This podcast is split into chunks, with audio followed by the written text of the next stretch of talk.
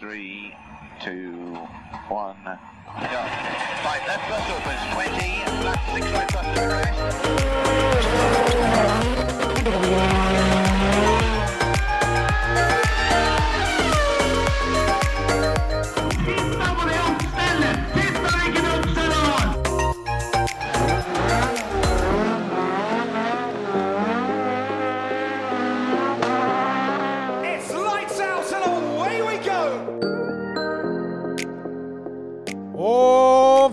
Velkommen til en ny episode av Førermøtet.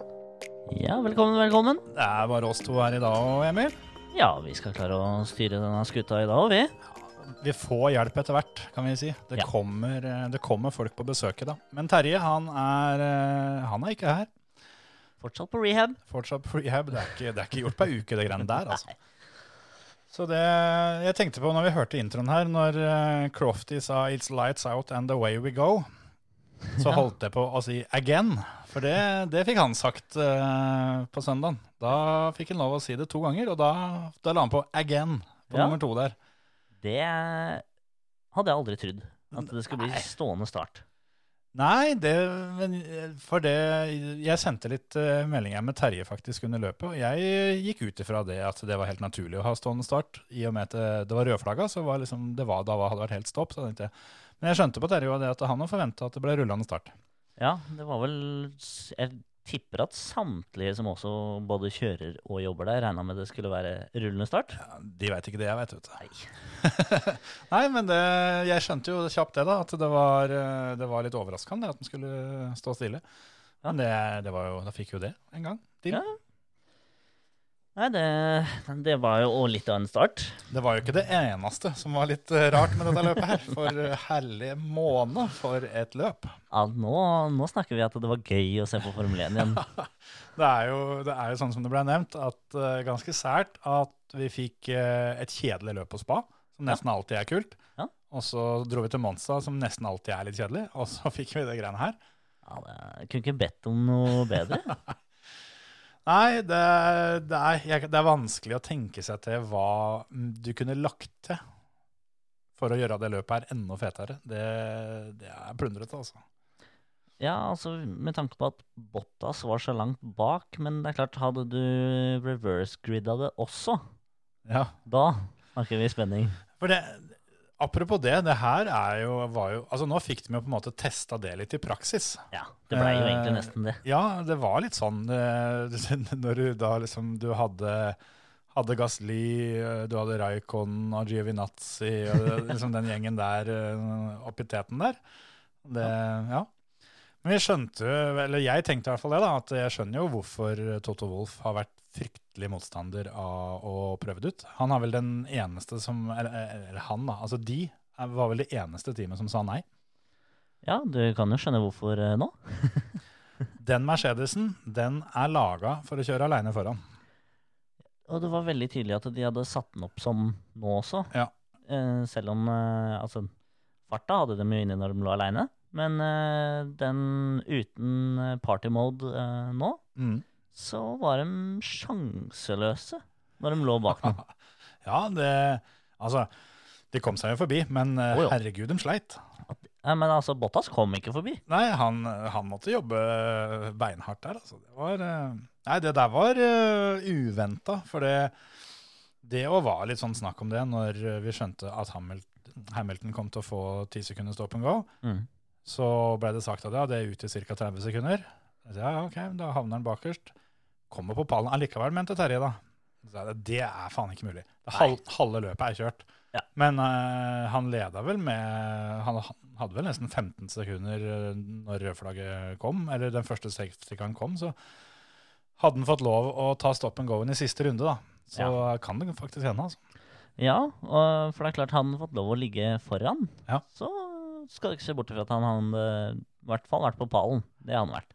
Det står ikke på sjøltilliten, for eh, han sa jo det sjøl òg, at eh, hvis vi venter med å ta den eh, stop and go-en, hvis jeg får lov å kjøre to runder, da har jeg jo fem sekunders ledelse. Ja, det, jeg reagerte så på den kommentaren. Ja, sånn, da er det så enkelt? Ja, det, det, det tenkte jeg òg. Altså, du bare veit at ja, ja, men jeg tar jo i hvert fall to sekunder på runden her.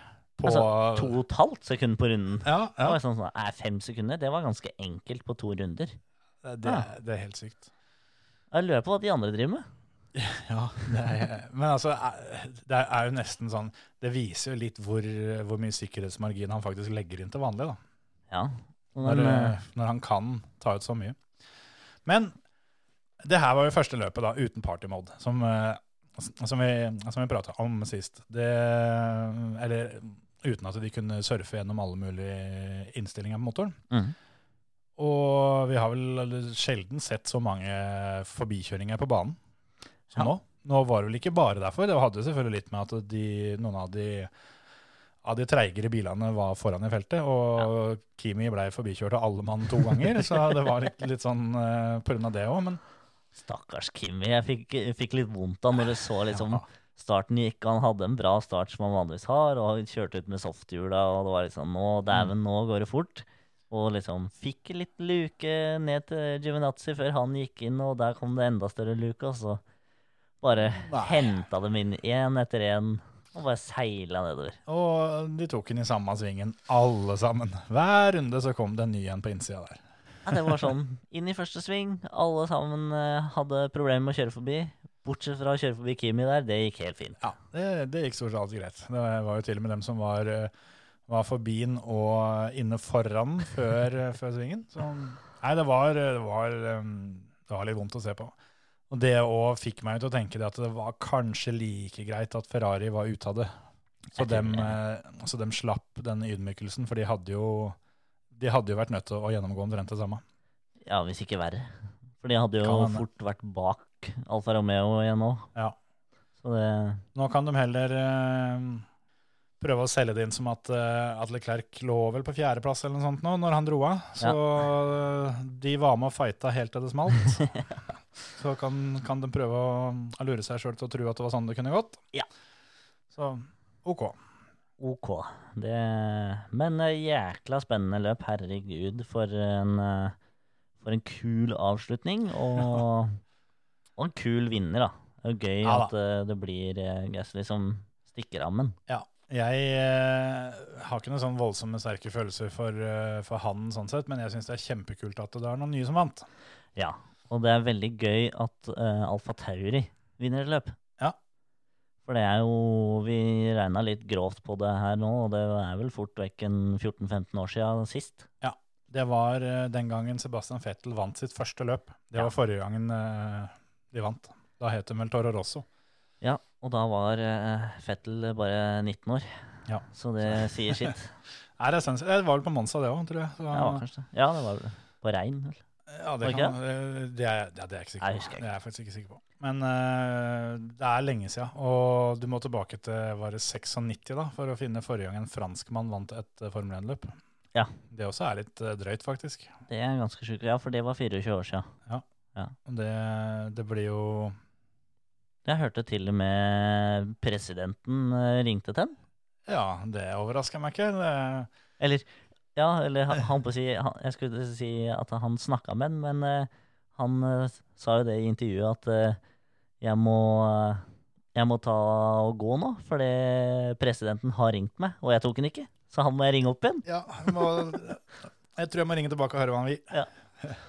Og førstesida i alle aviser og Det er svært, vet du. Det er, det er så stort at det er litt sånn eh, Kanskje litt plundrete for oss å skjønne hvor stort det er for, eh, for dem eh, som er fra land hvor Formel 1 er så mye større enn det det er i Norge, var det jeg skulle fram til. Ja, altså bare motorsport og motor er så mye større i utlandet. Ja. At uh, vi, vi kan ikke si at det er, det er det samme som langrenn her, for nei, det er større enn langrenn her hjemme òg. Ja, ja, ja. Det, det... det- tror jeg faktisk. Og det er klart, det var, det var ikke mange her til land som ikke fikk med seg at Petter Solberg ble, ble verdensmester. Men, eh, men det er fortsatt enda sjukere enn det. Ja, Mye sjukere. Så ja, nei, det er, eh, det er bra for sporten, tror jeg, å eh, få en ny vinner, og ikke minst en fransk vinner, alt det der, sånn, og at det var flere team som fikk smaka litt kake, da, for å si det sånn, som fikk være med og sitte litt ved bordet. For nå eh, Alt som Altså, det var liksom den perfekte stormen, da. Du hadde begge Ferrariene ute, sjøl om det var jo Ja. Det hadde jo ikke så mye å si, men, men hvis en ser på det sånn, hvis en hadde hoppa et par år tilbake, da, altså Mm. har du et løp Begge Ferrariene er eh, ute. Verstappen eh, får trøbbel. Hamilton eh, får, får straff, og, og Bottas hadde Han sleit med et eller annet i starten som gjorde at han havna baki. Så det var liksom ingen, ingen igjen da, til å steppe opp, og da, da ble det jo en beinhard fight da, mellom alle de andre. det, nei, det var skikkelig kult. Det var vel En av de yngste pallene. Ja, vi fikk en av de yngste seierspallene, faktisk. Ja. Det må det jo ha vært, for det, det var altså, Science begynner vel å bli litt uh, voksen, han. Men, uh, men ja. Han er uh, Ja, han er vel 26. Jeg lurer på om han er året yngre enn meg. ja. For det var det jeg tenkte, at han er vel ikke så langt unna deg. Dere kjørte jo i team sammen back in the day, hvor du lærte han alt det du kunne om kappkjøring, så da Ja. Så jeg måtte lære bort alle triksa mine. Yes. Så, nei da, det, han er vel Jeg tipper han er 26 eller noe sånt nå. Ja, jeg tror det stemmer. Og så Stroll er jo ikke eh, gamle karen. Han er vel en 24 eller noe. Ja. Og samme er vel eh, Gasly omtrent. Dæven, noe sulten Science var på den seieren, altså. De der radiobeskjedene der, det, jeg digga det. Ja. Bare Du behøver ikke stresse med å komme forbi Kimi. Jeg driter i Kimi, jeg skal ha Gasly. ja. Jeg skal ikke slippe han. Nå har jeg muligheten til å vinne. Ja, det, er, det, det, det er sånn det skal være. Jeg endra liksom hele mentaliteten fra da å være en dritbra nummer to bak Hamilton, Mm. og til at nå kan jeg vinne løp. Nå Ja. skal jeg forbi, og jeg skal hente inn han. Ja, for det, det, det nevnte du til meg før vi, før vi begynte, da, at eh, for McLaren så var jo den utviklinga i løpet egentlig litt kjip. Ja. Og det er litt sånn vanskelig eh, å tenke seg med tanke på at de fikk Science på andreplass der. Ja. Men, De lå jo da to-tre ja, før dette skjedde. og det er, det er litt bedre å bli nummer to bak Hamilton enn å bli nummer to eh, bak uh, en, enn Alfa Tauri. Ja. Og det er klart, altså Alfa Tauri var flinke med strategi. De har sikkert uh, lært litt av, av Red Bull, håper jeg. Ja. Men uh, Og de var disiplinerte på at han ikke brukte strøm, og for mye av strømmen, før de siste rundene. Mm. Og spesielt da nest siste og siste runde. Fordi de regna med at eh, når Science kom innafor to sekunder på Gasly, så får han så mye skitten luft. Ja. Og da er det ikke nok downforce i svingene. Sånn at uh, du så liksom på, på gapen der, så så du liksom han spiste inn og nærma seg ett sekund. Og så ut av svingen så så du liksom 1,2, 1,3, 1,4, 1,5. Ja. Så var den liksom mangla et halvsekund fortsatt. Og det, det er det den skitne lufta gjør. Ja, det var, eh, det var voldsomt òg. Men det er det å tørre å stole på at den skitne lufta den ødelegger såpass mye at du må ikke bruke strømmen din.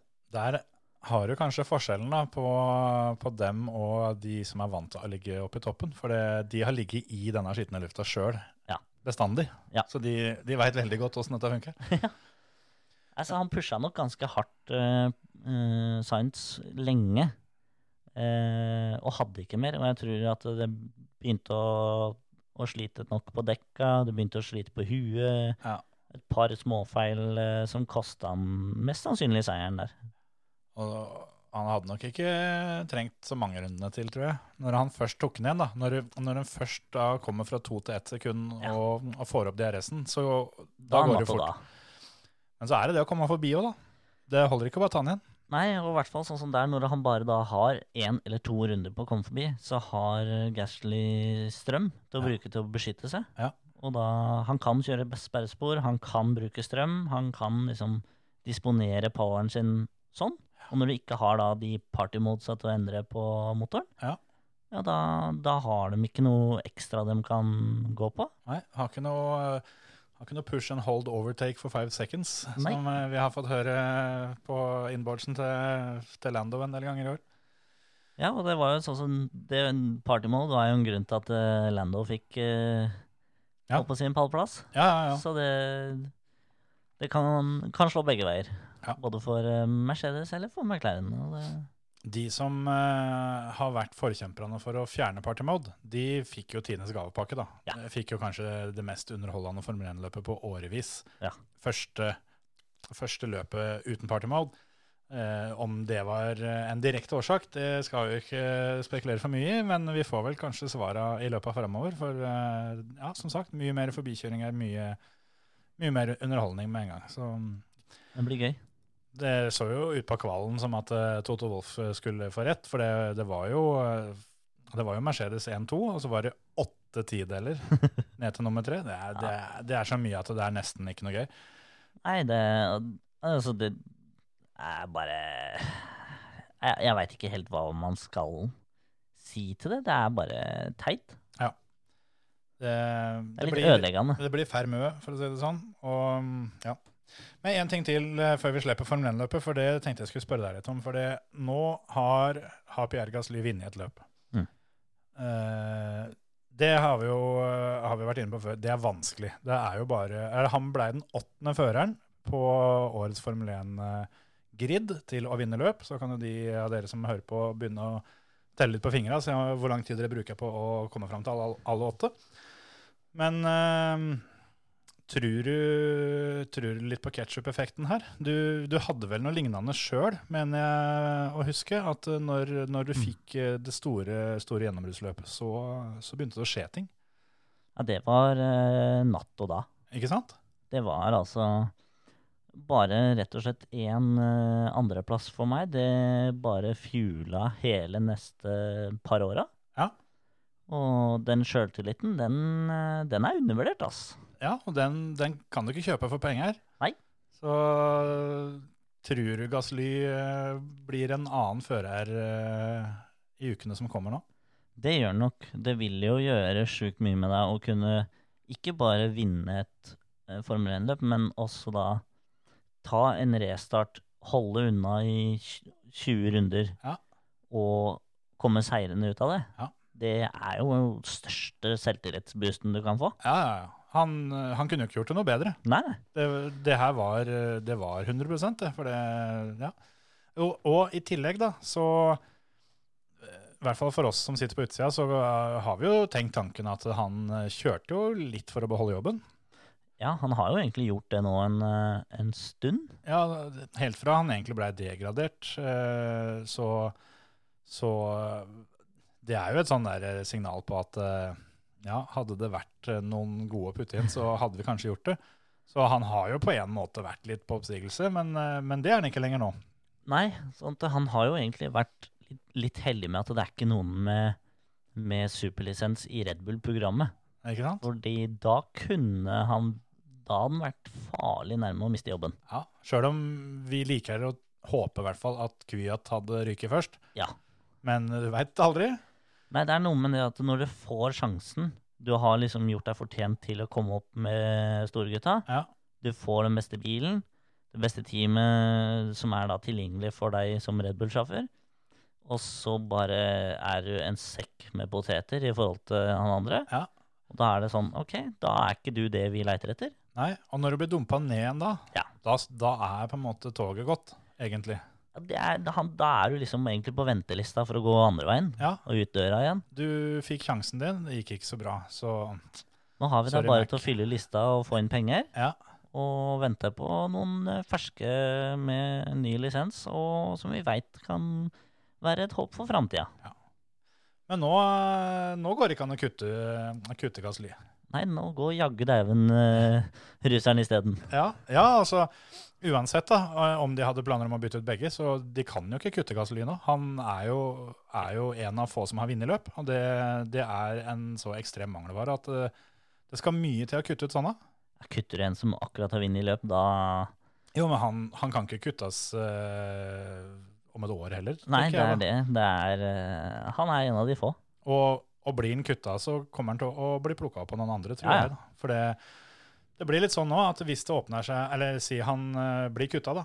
Mm. Og et, et annet, uh, annet midtfeltteam da, får et ledig sete, så har jo, har jo praten i år vært at uh, det er jo Hulkenberg. Alle vil jo ha, ha Hulkenberg. Men eh, han hadde blitt valgt etter Gassly, sånn som, sånn som står her nå, tror jeg. Ja, altså, det er vanskelig å argumentere mot resultater. Det er akkurat det. Det, som sagt, eh, det der med sjøltillit og sånt, det kan ikke kjøpes. Og, og Formel 1-seire, dem, er, eh, dem er sjeldne og vanskelig å få tak i. Så mm, han har noe som, eh, som er veldig ettertrakta. Det blir spennende å se. Han øh, kommer jo til å stille til start på, mm, på Mugello til helga. Mm. Med Kommer til å være tre meter høy. Ja, Herregud. Ja, det gleder jeg meg til å se åssen det blir. Og så er det jo ikke minst da, det er en og annen fører som har litt å revansjere her. Ja, og det, men eh, det, det tenkte jeg på når jeg da håper jeg så, så løpet. Og det derre Jeg kjenner jeg er så lei av å se Hamilton parkere på eneren. eh, Gå ut liksom en sånn knyttneve og litt sånn Ja. eh, 'Dette var kult, vi klarte det igjen', liksom. Bra jobba, gutter. Ja. Mens nå var det jo nesten så det gikk albuer og skuldre ut av Ja, ja. ledd og Det er litt fetere å se en som, eh, en som blir sittende igjen og, og sippe litt på seierspallen, for det at det ikke har gått Eller det er i ferd med å gå opp for den, da, hva som har skjedd. Jeg fikk eh, litt gåsehud nå, kjente jeg. At eh, liksom, den der guttedrømmen går i oppfyllelse. Ja, da, ja. Vinne Formel 1-løp. Det ja, det er et godt poeng, det har jeg ikke tenkt på. Men den derre den der rå, pur glede da, som, Mm. du, som du får der, det, det får du ikke fra det får du ikke hvis det blir en Hamilton foran Bottas og Verstappen. Da, da er det ikke Altså, de er selvfølgelig fornøyde, de òg, men, eh, men det er ikke til å sammenligne, da. Nei, den derre førstegangsvinnen i et underdog-team, den ja. følelsen der, den skulle, den skulle jeg gjerne ha kjøpt. Ja, det, hadde, du, hadde du kunnet uh, tappa det på flaske, så Ah, hadde ah, du sluppet å jobbe til uka. Ja. Nei, det, det er rått. Nei, det er mye spennende framover eh, i dette sirkuset, og jeg har jo hørt et lite et eh, lite sniff at uh, Toto Wolff er jo eier av eh, en del av McLaren, for eksempel, og at uh, Og Renault, Ja, vel? men nå har jo da en av disse ingeniørene i Mercedes har gått av, og Hamilton har ikke signert videre, OK. og Så jeg er litt spent på hva som skjer framover, nå. Kjenner Ja. det hadde vært uh, Ja, ja. Det er mye åpne dører nå. Altså Fettel fortsatt ut på markedet, og nei, det er uh, Ja, ja det er uh, Vi fikk jo silly season litt tidlig i år, men uh, det er jo egentlig til vinteren det skal det skal bli ordentlig, ordentlig haraval på den fronten der. Ja, altså, og Hamilton har jo faktisk starta et eget uh, eget uh, Team, ja. X44, som det heter. Ja, ja etter startnummeret hans, regner jeg med. Ja. Det er da eh, fullelektrisk offroad extreme E-serie. Ja. Jeg lurer på om uh, Jeg bare så den reklamevideoen. Jeg, det er ikke den samme serien, men jeg lurer på om det har noen tilhørighet til den eh, serien som Bakkerud kjørte eh, i vinter. Nei, jeg tror ikke det, for det her er Det eh, var, det var litt av samme tanken, i hvert fall. Det at de kjørte på forskjellige steder eh, rundt omkring som alle sliter med utfordringer i forbindelse med klima og miljø. Og, Jo, da er det kanskje det samme. men, eh, men det er ikke samme bilen. Nei. I det hele tatt. Men jeg bare tenkte om, om, om det kan være en sånn felles serie av noe slag. Ja, det kan hende, for det er akkurat samme En annen klasse, bare, da. Ja, det kan hende. For samme greia er det. At de skal rundt på, på planeten vår og finne steder som det er Ja. trøbbel. Kjøre, kjøre litt på en isbre og litt i ørkenen og Ja. litt i regnskogen, holdt jeg på å si. Altså, ja. Nei, det blir kult å se. Jeg har venta på det der sånn veldig lenge. At han, eh, at han skal på en måte begynne å Gi noe tilbake. Ja, ja altså det, det han gjør der, da, er Jeg har venta på det lenge, da. At han, eh, han skal begynne, begynne i den enden der. Men tar du det litt som at det kan være begynnelsen på slutten for hans egen karriere? Altså, han skal jo ikke kjøre sjøl. Det nei, jo bare nei det, det er viktig å på, Ja. påpeke her. Altså. Han, han, han skal ikke, ikke, ikke kuske disse bilene sjøl. Det er, bare, det er nok bare lommeboka hans som skal styre dette greiene her, og hjelpe til litt med sikkert å være med rundt. og det er Ja, ja. Sånn som han har blitt, så skal han vel eh, rundt fly helikopteret ditt og vise ansikt og Eller om han nå må ta elektrisk tog, eller Ja, hva faen det er for noe. Det var det jeg tenkte. For det, det der paradokset med å komme av flyene med helikopter for å, for affronte miljøvern, det, Ja. Det er litt rart. Altså, det, er, det er jo litt morsomt at dette her, håper å si, teamet i denne serien er da sponsa av en som tar helikopteret opp på liksom fjelltopper for å slå et golfslag for å ta bilde på Instagram, og så fly ned igjen. Og det er liksom sånn Ja, ja. Det er ikke alt som skal Alt som skal gi mening her i verden. Nei, jeg vet ikke. Kanskje han prøver å rette opp litt? Ja, eh, og så kan det jo hende det at han har eh, faktisk Det har gitt litt mersmak, da, det engasjementet som, eh, som vi har sett fra han denne, denne sommeren her. At eh, han eh, faktisk eh, Han har jo uten tvil sett at eh, hans stemme blir hørt. Ja. Og det kan- gjør han jo. Ja, ja, ja, uten tvil. Så det kan hende han rett og slett har skjønt det at eh, fader, jeg har jo en litt, en litt større rolle og, og posisjon enn det jeg faktisk trodde sjøl. Og Mm. her, er, her må jeg bare bidra mer. Ja, eh, eneste er at Ja, altså, for all del, alt er bedre enn ingenting å bidra, men eh, det er klart han, eh, han er såpass han er såpass stor i hele verden at jeg tror f.eks. at hadde han kunnet lært litt av uh, håper å si største idolet til Lando Norris, eh, Valentino Rossi, som har eh, et kjempebra program Mm. for nettopp det der å gi tilbake. Og, og jeg tror for, eh, for dem gutta så er det superviktig å få planta beina litt på jorda. Fordi Ja. Ja, sånn ja. som det er nå, så har han de planta litt for høyt opp i det helikopteret. Virker det sånn? ja, det kan se sånn ut til tider, altså. Så, men eh, nei, jeg, jeg digger det. At han, eh, at han eh, engasjerer seg enda mer i den type ting. Så, Mm. Og det, det tror jeg er bra og viktig, og jeg tror det funker når det kommer fra han.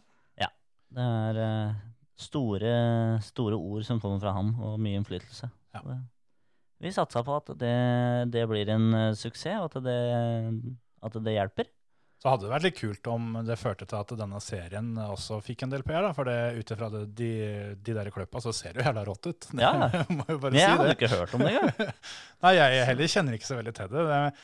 Jeg har jo på en måte sett lignende type biler og sånn før, da, men det er jo det er jo ganske ekst, altså Den heter jo for så vidt Extreme òg, men det er jo, det er jo offroad-biler med tullete mye power og rimelig lang, eh, lang fjøringsbane, for å si det sånn. Så det, ja, nei, det, er, eh, det så definitivt ut som noe som kan underholde. Hva heter de her um, supertruckene, eller det her sånn borti, borti statene? eh, Ja, som- de heter Stadium Supertrucks, vel? ja, ja. Det var liksom en, en pimpa versjon av det, eller hva. Bola versjon av det. Ja, det var Hvis du tar en sånn en og en, en sånn månerover, Ja, så, så kommer du kanskje i mål. Så nei, det, det jeg, jeg skal i hvert fall prøve også kikke litt på det når, når det, det begynner. For alt jeg vet, så har det allerede eksistert i noen år. Så. ja nei, det, og Bakkerud har jo tydeligvis også kjørt litt. Jo, men det var med, det var med rallycrossbiler. eh, Eller, eller Ja, de elektriske. Ja, Ja. Men eh, de hadde jo litt mer, mer stæsj, dem òg. Hadde vel eh, sving på alle fire hjula Ja, stemmer og vindusvisker på sideruta Ja, ja. og en del sånt. Men uh, jeg tenkte mer på det at uh, det, det kan være to, uh, to klasser på samme arrangementet, da, tenkte jeg på. I og med at det var liksom samme prinsippet med, med hvor de kjørte løp, og hvorfor. Nei da, det blir, eh, det blir gøy å se, men det blir jo da enda en ting til å se på. Mm. Og det Altså, jeg skal ikke klage, for det, nå har det vært en periode uten en dritt å se på. Mm. Så det, men nå, nå føler jeg det er så mye at nå, nå veit jeg ikke hvor jeg skal begynne. Så det, men du har jo hatt oppgave, både deg og Terje egentlig, har jo satt et mission å finne det som var å streame omtrent. Ja, det blei eh, sett litt motorsport i helga. Altså. Jeg så ikke på så veldig mye, men eh, jeg satt og så på um, VM-rally fra Estland. Ja. VRC Pluss-sendinga der, sånn, den sto på, og det, det er noen timer, da. Ja, for det så jeg, det så jeg Terje også var inne og kikka på. Og det, for da får du jo live fra bilene. Ja, det, jeg, vi nevnte det vel litt når vi hadde, når vi hadde Molly på, på besøk, at uh, jeg tror VRC Pluss er verdens beste direktesendte sportsprogram. Ja. Og hun var jo med nå. Hun var stage and end reporter på uh, bortimot halvparten av prøvene, sånn cirka. Eh, kanskje ikke fullt så mange, men det var, jeg tror kanskje det var tre stykker som uh, bytta på. Men eh, hun var, var en god del med der, så det var jo bra. Ja. Og det er så kult, for det du får um, Du har jo kommentatorer, og du får litt helikopterbilder, og du får litt fra stillestående kameraer ute i skauen, og du får inboards fra bilen. Uh, og det er ikke bare ett inboardskamera per bil. De har liksom en fire-fem forskjellige vinkler, gjerne. Og eh, alt dette her blir kløpt sammen, og så er det jo, eh, det er jo flere biler inne, inne på prøva samtidig, så de hopper litt fram og tilbake der, og så får du intervjuer eh, på målgang, og så det er, det, er, det er dritbra, rett og slett. Og ordentlig underholdende å se på, sjøl om det er jo én og én bil. Ja. Så i teorien så skulle en tenke at det, ja ja, kjempemoro, men jeg, jeg, jeg digger det skikkelig. Ja, nei, det, det lille jeg fikk se av en snap fra Terje, så så det skikkelig kult ut, faktisk. Ja, og det, dette løpet her òg var Altså, det var så mye fetere enn eh, det jeg forventa. Det kan være litt pga. den lange pausen, at den var litt sultefòra, men Ja. det var så kule veier.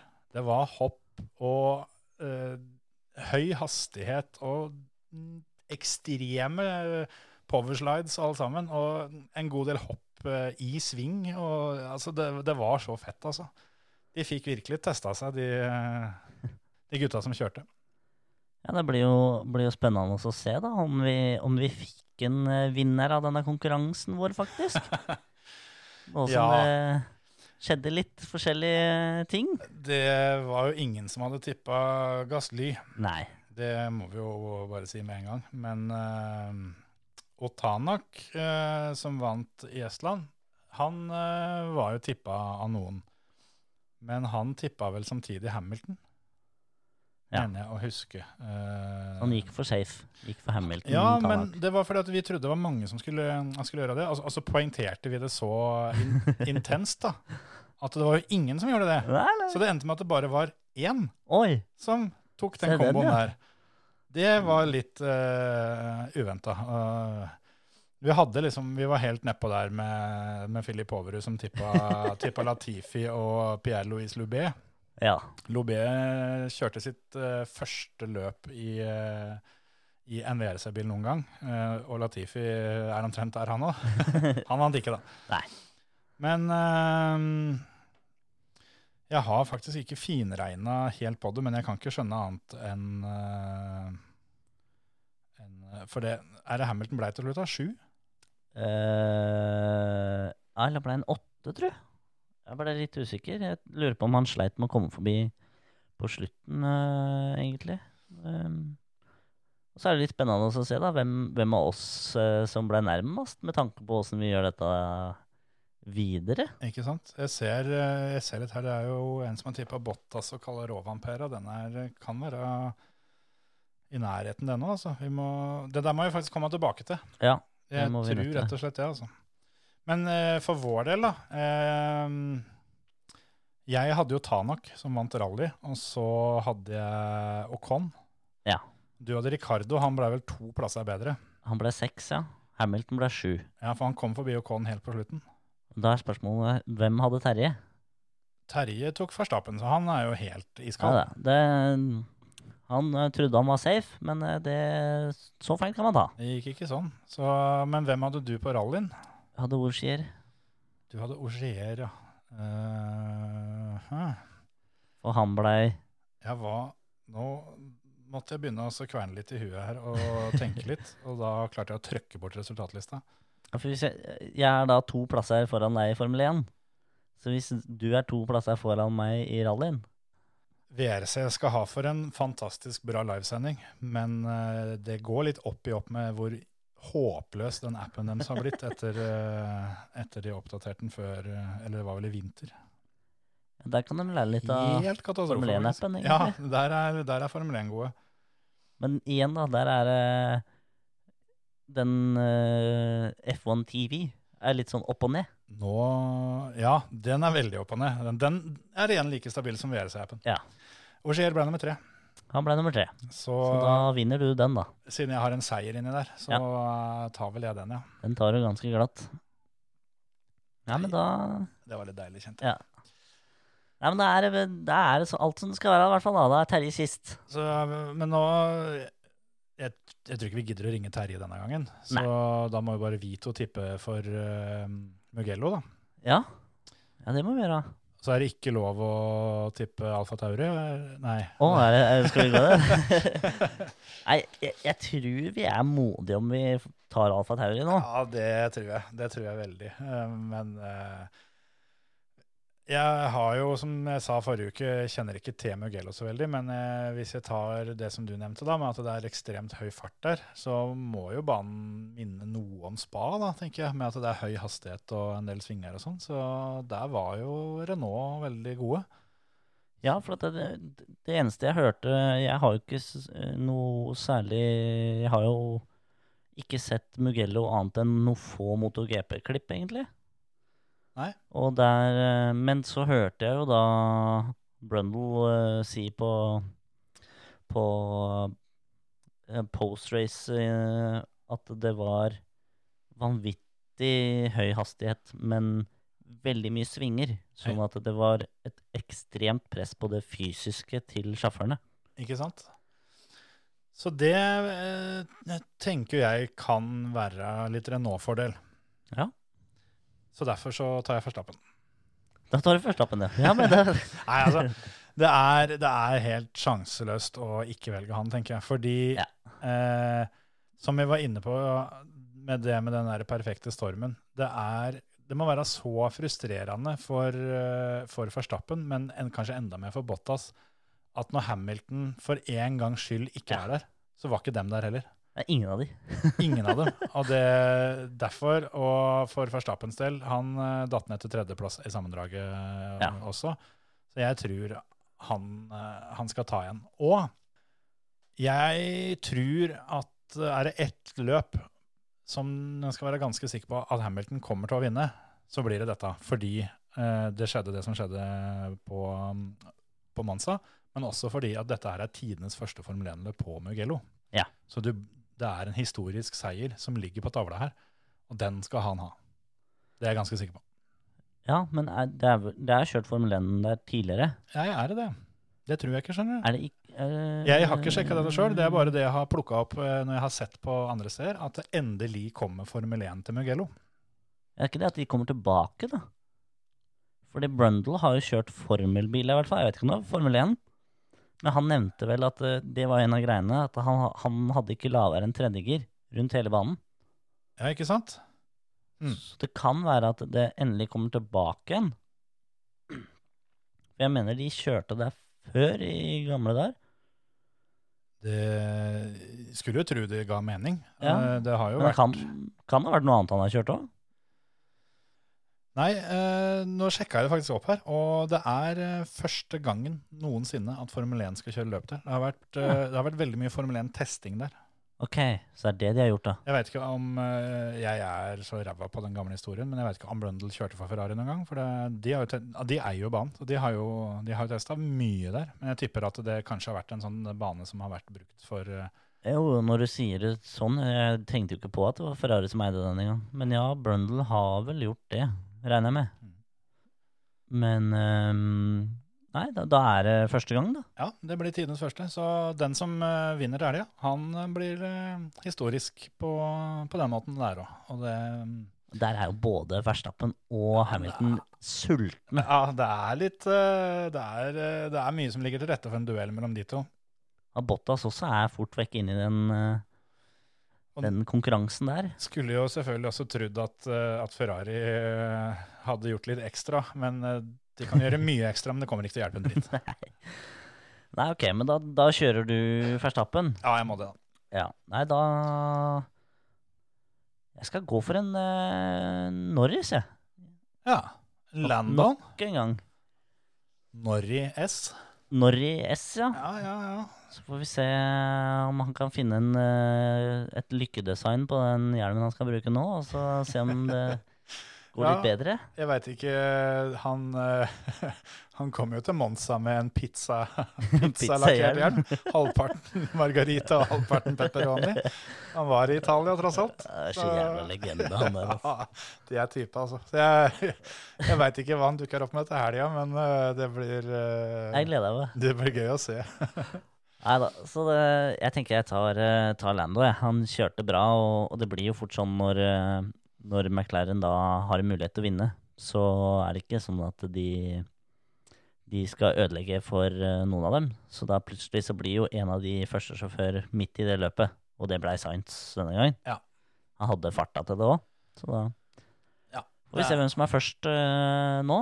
Det kan fort være Science nå òg, men eh, Ja, det kan være. De står over likt, tror jeg. I hvert fall, Eller om det var på kvaliken, at de har 4-4. ja, at de har fire-fire Jeg tror de har 4-4 i hvem Altså at de har slått hverandre fire ganger Å, sånn, ja. ja. Ja, det har de vel nå. Så, så ja, jeg tror det er litt der Altså, de tror jeg har sånn som, eh, sånn som Mercedes sier de har. At det er den som, eh, den som kommer ut best eh, etter første halve runden. Ja. Han eh, har forkjørsretten, på en måte. Eller den som til enhver tid har størst vinnersjanser, da. Ja, og det, det er jo sånn som det, for når de da dobbeltstacker i pitten og sånt noe, så kan det hende at Norris taper et halvsekund på en måte ved å gi Science fordelen. Eller så kan det hende at eh, alle bak Norris taper et halvt sekund. Det kan også hende. Jeg digga den manøveren der, for øvrig. det er helt nydelig.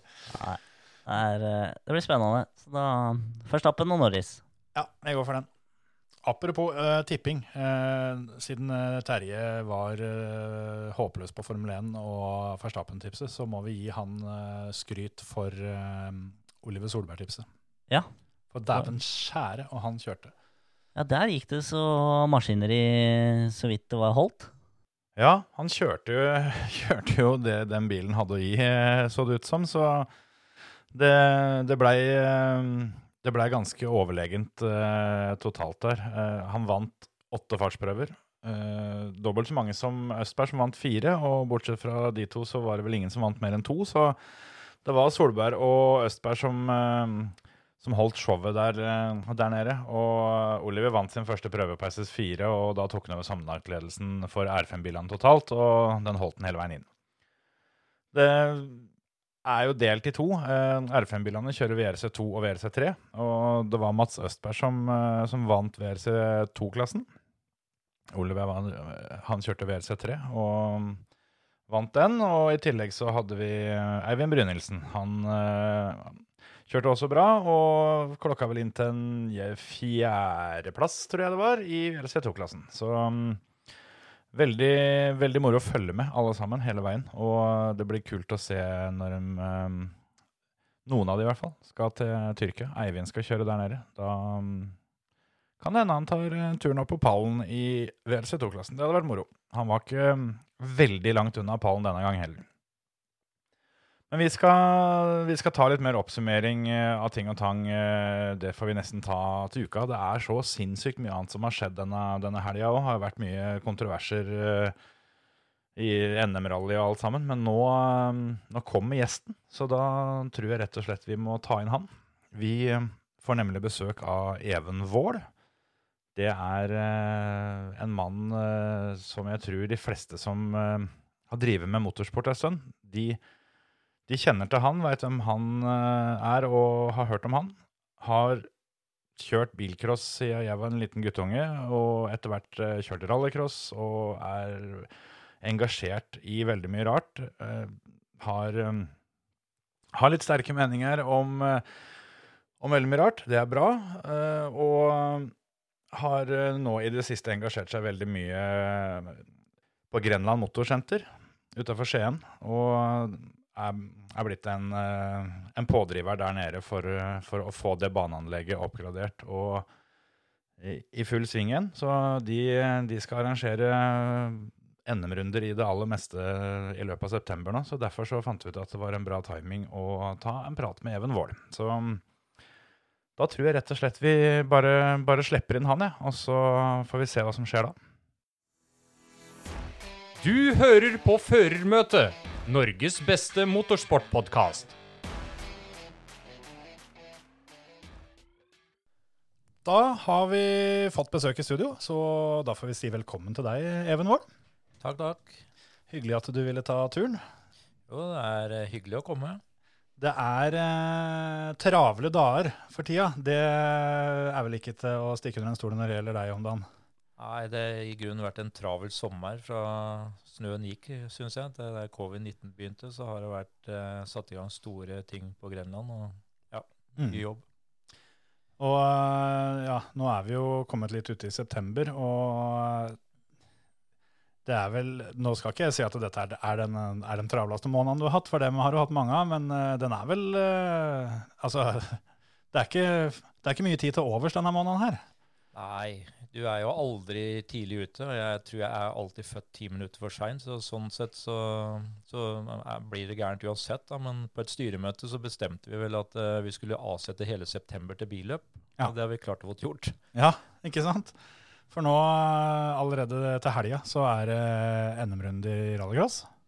Da er det NM-runde i rallycross, ja. Da er det full fart. Og så får dere så vidt en tur gjennom for å, å skifte bukser, og så er det på'n igjen, for da skal dere kjøre talentrace i, bilcross uh, helga etter. Da eh, håper vi på mye gromme biler og mye fart og mye bud. Ja, ja ikke sant? og så helga etter der igjen, da er det NM-runde i crosskart. Da kjører vi på med de unge. Da er det de som skal til. Ikke sant? Og skulle det bli eh, plunder for, eh, for Momarken, som eh, holder til borti Østfold, hvor det er litt mye korona om dagen, så har dere sagt dere er villige til å ta over dems løp, som er helga etter der igjen. Ja, vi sa vel i grunn til at hvis ikke Gardermoen heller ville, så kunne vi ta alle tre. Så vi tok alt, vi. Ja, for det var nå den helga her. Ja, så de fant ut det siden vi sa ja, så da fikk de vel arrangere, altså da slapp vi den. Ikke sant?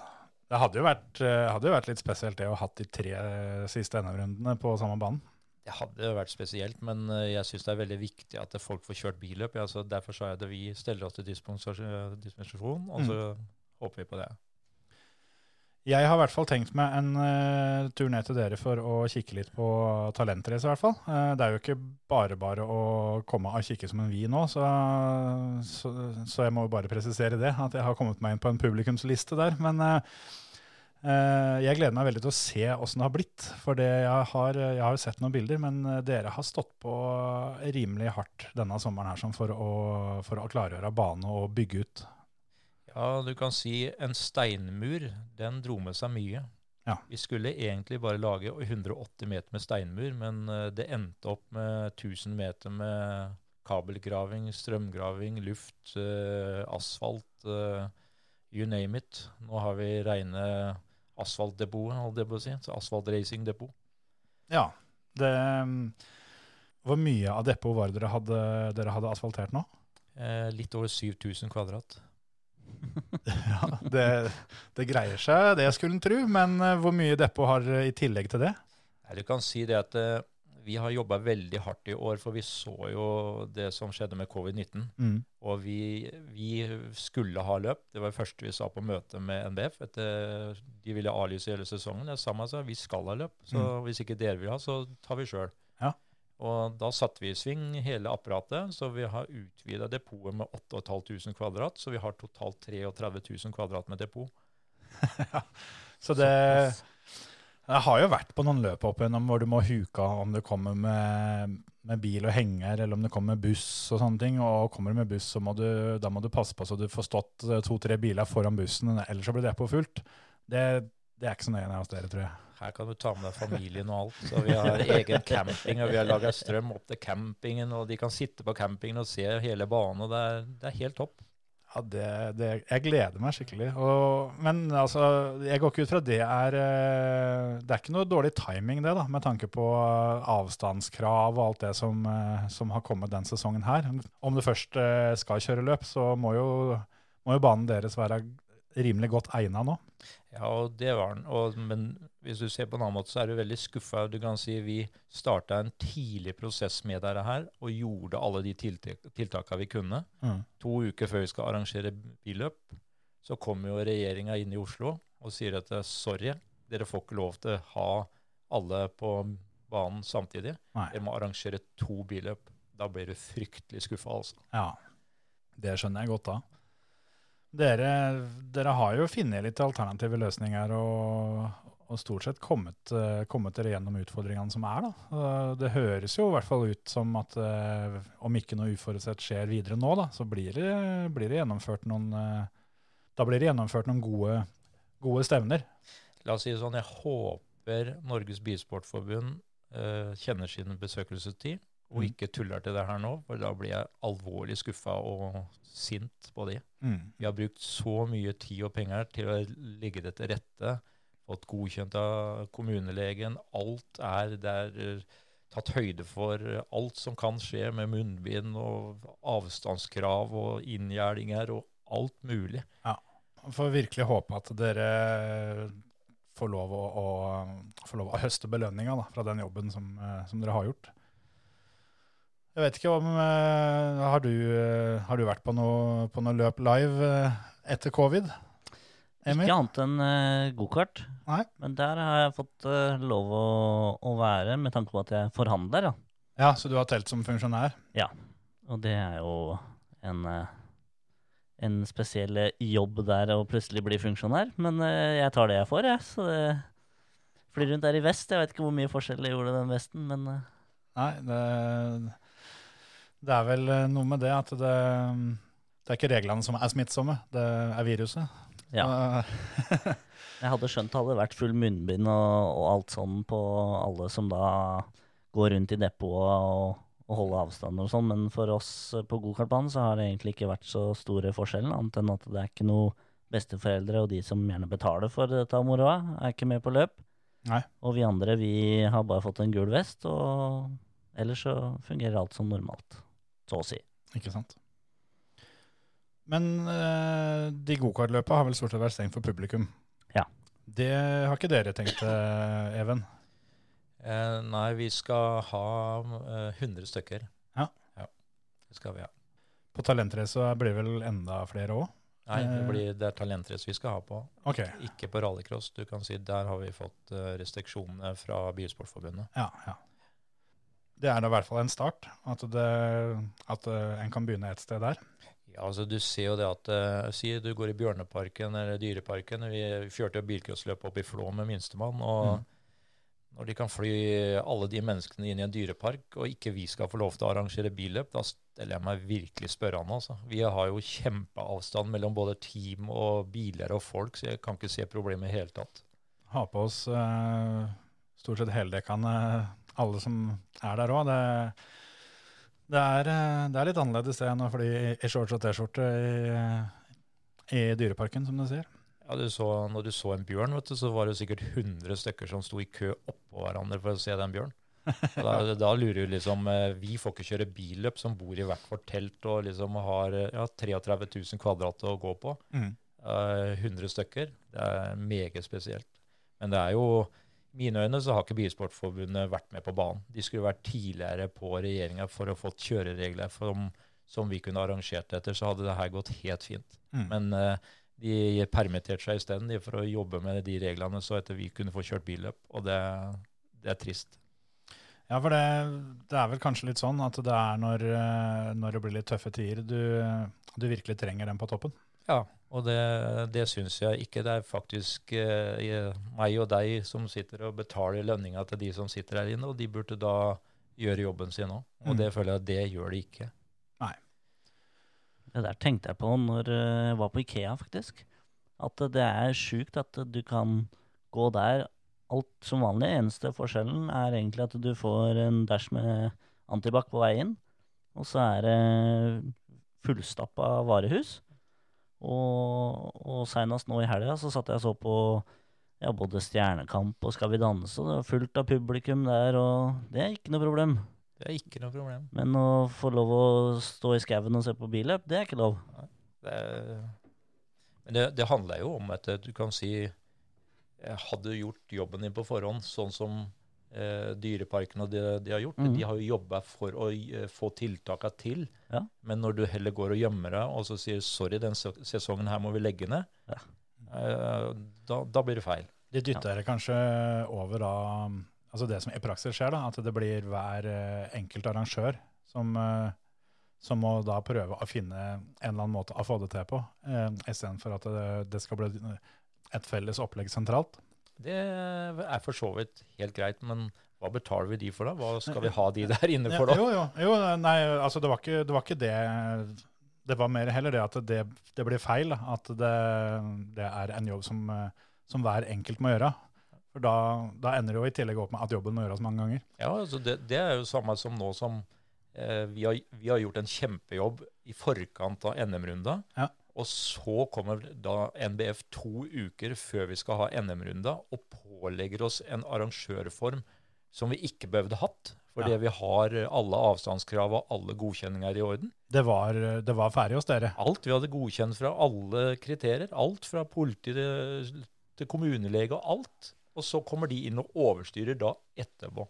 Men hva, hva er begrunnelsen deres for det, da? Er det for at dem er redde for å få en smekk eh, fra noen andre igjen, da, eller hva?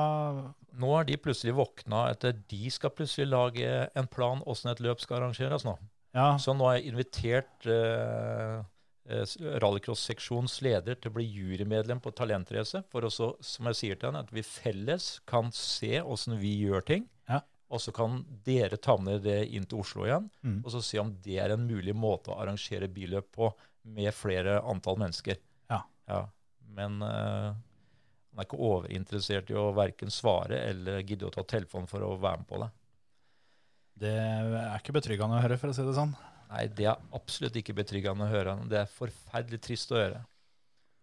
Det er dessverre ikke så sjokkerende å høre heller, at det, er, at det skal foregå på, på dems premisser til enhver tid. Det er akkurat den følelsen jeg sitter med òg, at hvis vi ikke følger følger i pipe, Mm. da skal det ikke gjøres. Hvis Nei. ideen kommer fra deg, Mm. da skal det ikke følges. Ja, for det, det Med mindre de gir noe, gir noe begrunnelse på noe konkret de mener dere har gjort feil, så skulle en jo tro det at eh, det var til alles fordel at de heller ga dere et klapp på skuldra og sagt at det her ser ut til at dere har fått til noe bra, dette her kan vi ta med oss og bygge videre på. Men eh, dere, har noe, dere har ikke fått noe beskjed om at, at den jobben, jobben dere har gjort, eh, har mangler. Da. Det, er ikke, det er ikke det det går på. Nei, nei. Det er bare rett og slett at de plutselig har funnet ut at de skal nå utarbeide en plan der inne, og da skal de på en måte være veldig forsiktige og sikre. Og da skal man begynne fra bånn av istedenfor å bygge videre på deres arbeid. Yes. Ja. Og, og da kan du si Jeg mener jo at de burde ha bevega seg for tre til fire måneder siden. Burde de ha begynt å tenke på hvordan vi skulle arrangere et løp. Ja. Og da burde de gått arrangørene og sagt hva har dere gjort, hva har dere gjort, hva har dere gjort. Kjempebra, vi gjør sånn som de gjør, så får vi det her til. Ja, for det har, noen, eh, det har jo vært noen løp rundt omkring, så det er jo en del erfaringer allerede å, å- å bygge på. Mm. Og eh, ja, nei, det, det er spesielt og skuffende å høre at det er sånn det fungerer. Vi kan si Vi hadde jo, Ada Marie laga en covid-19-plan som, som ble levert til kommunelegen på 19 sider. Ja. Som eh, faktisk eh, godkjente 500 mennesker på den NM-runda. Ja. Enda så kommer Ja. Bilsportforbundet og overstyrer. Ja, ja. Det er ikke første gang det her er her. Du kan si jeg har vært i krig med Bilsportforbundet siden jeg ble født. Ja, så det gjør mye. ja det, det tenkte jeg Det er jo ikke til å stikke under en stol at det er noe vi er, er nødt til å prate litt om. Så når vi inviterte deg, så skjønte vi jo det at dette kom til å bli et tema. Eh, Det er jo, eh, er jo da NM-runde i rallycross til helga. Eh, Så vi kan jo holde oss på det sporet, for én ting eh, som vi har fått en del tilbakemeldinger fra lytterne våre på, eh, et, eh, et ønsketema har jo vært at eh, dere må invitere Even. Så må vi få svar på hva var det som egentlig skjedde med rallycross juniorcupen. Nei, det spørs jo hvor lang tid du har, da. Du skal sitte her i kveld. Nei, men eh, vi har hatt tida, men eh, det er klart uh... Nei da, det som hendte var jo vel at eh, jeg har jo kjørt i mange år. Jeg har kjørt med Ada har kjørt med Helene. eh, da, og så jeg begynner å bli litt sånn jeg, jeg har for mange unger til å klare å følge opp eh, på et ordentlig nivå. Og jeg innså vel det at eh, jeg gikk altfor tidlig Jeg skulle holdt i junior lenger, da. Ja. Så at de fikk lov til eh, å, å utvikle seg samtidig som faktisk lommeboka mi hang med. Ja, ikke sant? Du kan si, Men faren hadde jo aldri tid, ikke sant? så han ville jo gjerne Jeg sendte jo, jeg tok jo med Ada Marie ut i Europa da hun var 16, Ja. og så opp i supercar etter hvert. ikke sant? Ja. Og Det har du ikke råd til. vet du. Og da tenkte jeg at ok, vi går tilbake til junior. Ja. Og så sa jeg til Ada Marie at eh, kanskje vi skal ta og jobbe litt med juniorklassen, jeg og du. At ja. du kan på en måte være en slags mentor for dem, og så kan jeg være den bidragsyteren på ting og tang og litt økonomisk. Så kan vi hjelpe enkelte sjåfører fram. Ja. At vi lager en sånn stipend, så at de kan få et hopp for å komme videre, da. Ja, på en måte bygge, bygge den brua som hun ikke fikk, da. Ja. Ja, det er en, eh, det er en nobel tanke og alt det der. Men så Nei, så vi begynte jo med det her, og vi hadde liksom eh, junior det ene året. var jo kjempemoro. De, det var kjempemoro å jobbe med det, for du, mm. du får jo ordentlig feedback fra de. Du får ærlig feedback.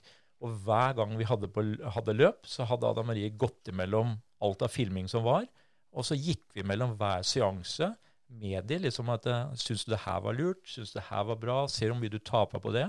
Og etter hvert så fikk vi en eh, Det første gangen vi, Det er veldig spesielt. Første gangen jeg sa egentlig til Ole Henry Steinsholt Ja. Han satt alltid på første rad og kikka rett i bakken. Og så, men det siste da, da var han som reiste seg og fortalte hva han gjorde. Ja. Og når vi var ferdig med det året, så takka han for at han hadde liksom eh, lært noe. da. Ja. At vi hadde lært de litt respekt for hverandre ute på banen. For det vi prøvde å fokusere på, det var at det, det, det er ikke bilcross. Det her, hvis du bare dulter på én, så taper du så mye at du kan egentlig bare kjøre i depot. Dere må kjøre reint og fort. Og så må du forbi den andre bilen uten å være bortpå den. Ja. Det er hele poenget deres. Og hvis dere kan ta med dere det til neste klasse du skal kjøre i, da blir du en god sjåfør. Ikke sant? Og det var det vi hele tida jobba med, da. Men så på slutten av det ene året der, så begynte Selvfølgelig, det her begynte å blomstre. For jeg ordna så det ble 70 000 i en sånn Jeg tror det var 70 000 eller en sånn første premie, da. Mm. Og det, den laga jo sånn at eh, det var utøverne sjøl som stemte fram eh, hemmelig hvem som skulle få den. For det var åssen oppførsel du hadde i depotet, åssen du kjørte på bane, åssen du opptredde, kan du si. Ja, ja, hele pakka. Ja, Kult. og det bygde vi, og det slo an veldig bra. Men det som skjedde da, ikke sant, når du ser at penger i en klasse, da skal folk kjøpe enda verre biler. Ja, ja. Og så på høsten så kom det jo at uh, jeg skal putt, kjøpe den Super 1600-bilen og ta den ned. Eh, Jeg har kjøpt den bilen og skal ta den ned. Men vi, uh, jeg, jeg, jeg tenker med en gang at uh, det avstemmingssystemet der sånn ville hatt litt sjøljustis på akkurat den biten der. At hvis det er en um, som alle, alle involverte da, føler at han der han har, eh, han har kjøpt seg til seieren, så får ikke han min stemme. Jeg tenkte kanskje at det, den, den avstemmingssaken der skulle, skulle på en måte løse det problemet, men det, det, det fungerer kanskje ikke sånn. Nei, så kan du si det vi så, det vi brukte, det ikke de skjønte med det her, her eh, de ungene, det var jo at vi brukte egentlig det systemet for å se om alle hadde kontakt. Ja, For du kan si det at du, du så det med en gang hvis det var bare én som fikk stemme. Det, det var ikke riktig. Men Nei. når du så de begynte å stemme på hverandre, så så du egentlig at gruppa fungerte. Ja, du tvinga dem til å bli litt kompiser. Yes, Og det var, det var hele poenget mitt. Det var altså å bygge et kameratskap Ja. som at de skulle jobbe videre med når de skulle videre i motorsport. Ja, ja, ja. Så det var hele Men det skjønte jo ikke de når de stemte. Men vi så det hele tida på stemminga. At det var det mange forskjellige som fikk. Så skjønte jo vi at det her er det mange som prater med hverandre Ja. og syns godt om hverandre. Er det én som får, da hadde du hatt en bad connection i gruppa di.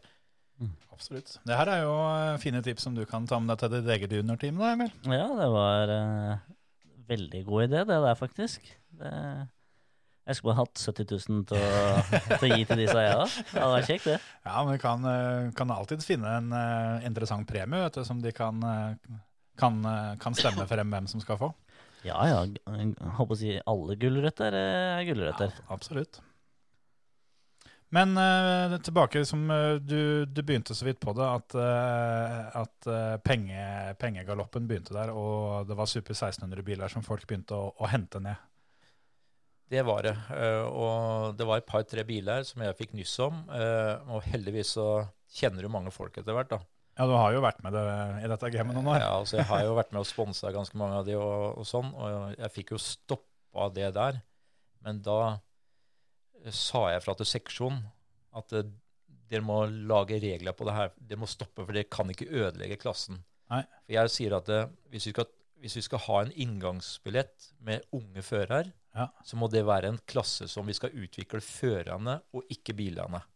Ja, ja. Det var hele mitt poeng. Det var derfor vi hadde den måten å jobbe på. Så at vi skulle ha jevnest mulig biler. og, og, og tettest mulig fighter. Da fikk de mest i bagasjen for neste gang de skulle i en annen klasse. Ja, best mulig læring for dem, ja. ja. ja. Men uh, jeg gikk jo veldig hardt ut mot seksjonen for å få til dette her sånn. Og det blei mye greier, kan du si. Det, var ikke, det ble ikke så godt mottatt, det heller. Nei, da er vi tilbake til det vi, vi snakka om litt tidligere. At eh, vi skal ikke lære de, de skal lære oss. Ja. Og jeg skal kanskje ikke nevne navn, men han er ute av den seksjonen nå. Eh, og Han og jeg har- vel aldri vært bestevenner, og kommer sikkert aldri til å bli det heller. Men uansett, som jeg sier, så er det faktisk jeg som betaler lønna hans. Ja. Da mener jeg at det, er også de andre utøverne som gjør det, og da skal han gjøre det beste for sporten, og ikke for seg sjøl. Ja. Og det er det mange av de der inne som må lære, altså. Ja, det er, eh, det er en kritikk eh, jeg har hørt nevnt rundt omkring eh, i andre sammenhenger før. Så hva endte det med da, når, når dere havna i den feiden der sånn, så var det en på visa? Nei, det blei jo mye diskusjoner att og fram. Det blei jo mye på nett, og det blei mye meninger fra veldig mange. Og som jeg sa, at eh, det kan velge. Da velger jeg å trekke meg ut fra alt som har med juniorer og, og sponsing innen det der er. Ja. For vi hadde tenkt å bruke en tre-fire år av siste tida, hadde tenkt å være i rallycross på å gjøre det der, da. Ja, ja for det var jo ikke, det var jo ikke bare altså, Jeg vet ikke hvor mye det var snakk om, ja, men det var vel en god del mer enn bare de 70 000 i førstepremie her. Ja, Nå husker jeg ikke hvor mye vi egentlig var oppe i til slutt, ja, men eh, jeg ordna i hvert fall sponsorer til, eh, til den biten her. da. Ja. Det er jo sikkert noe ganske mange lurer på, men eh, Men hva hvis, hvis du hadde blitt eh, president i NBF nå, hva, hva er det første du ville tatt tak i? Sparka en del folk. Fram med øksa.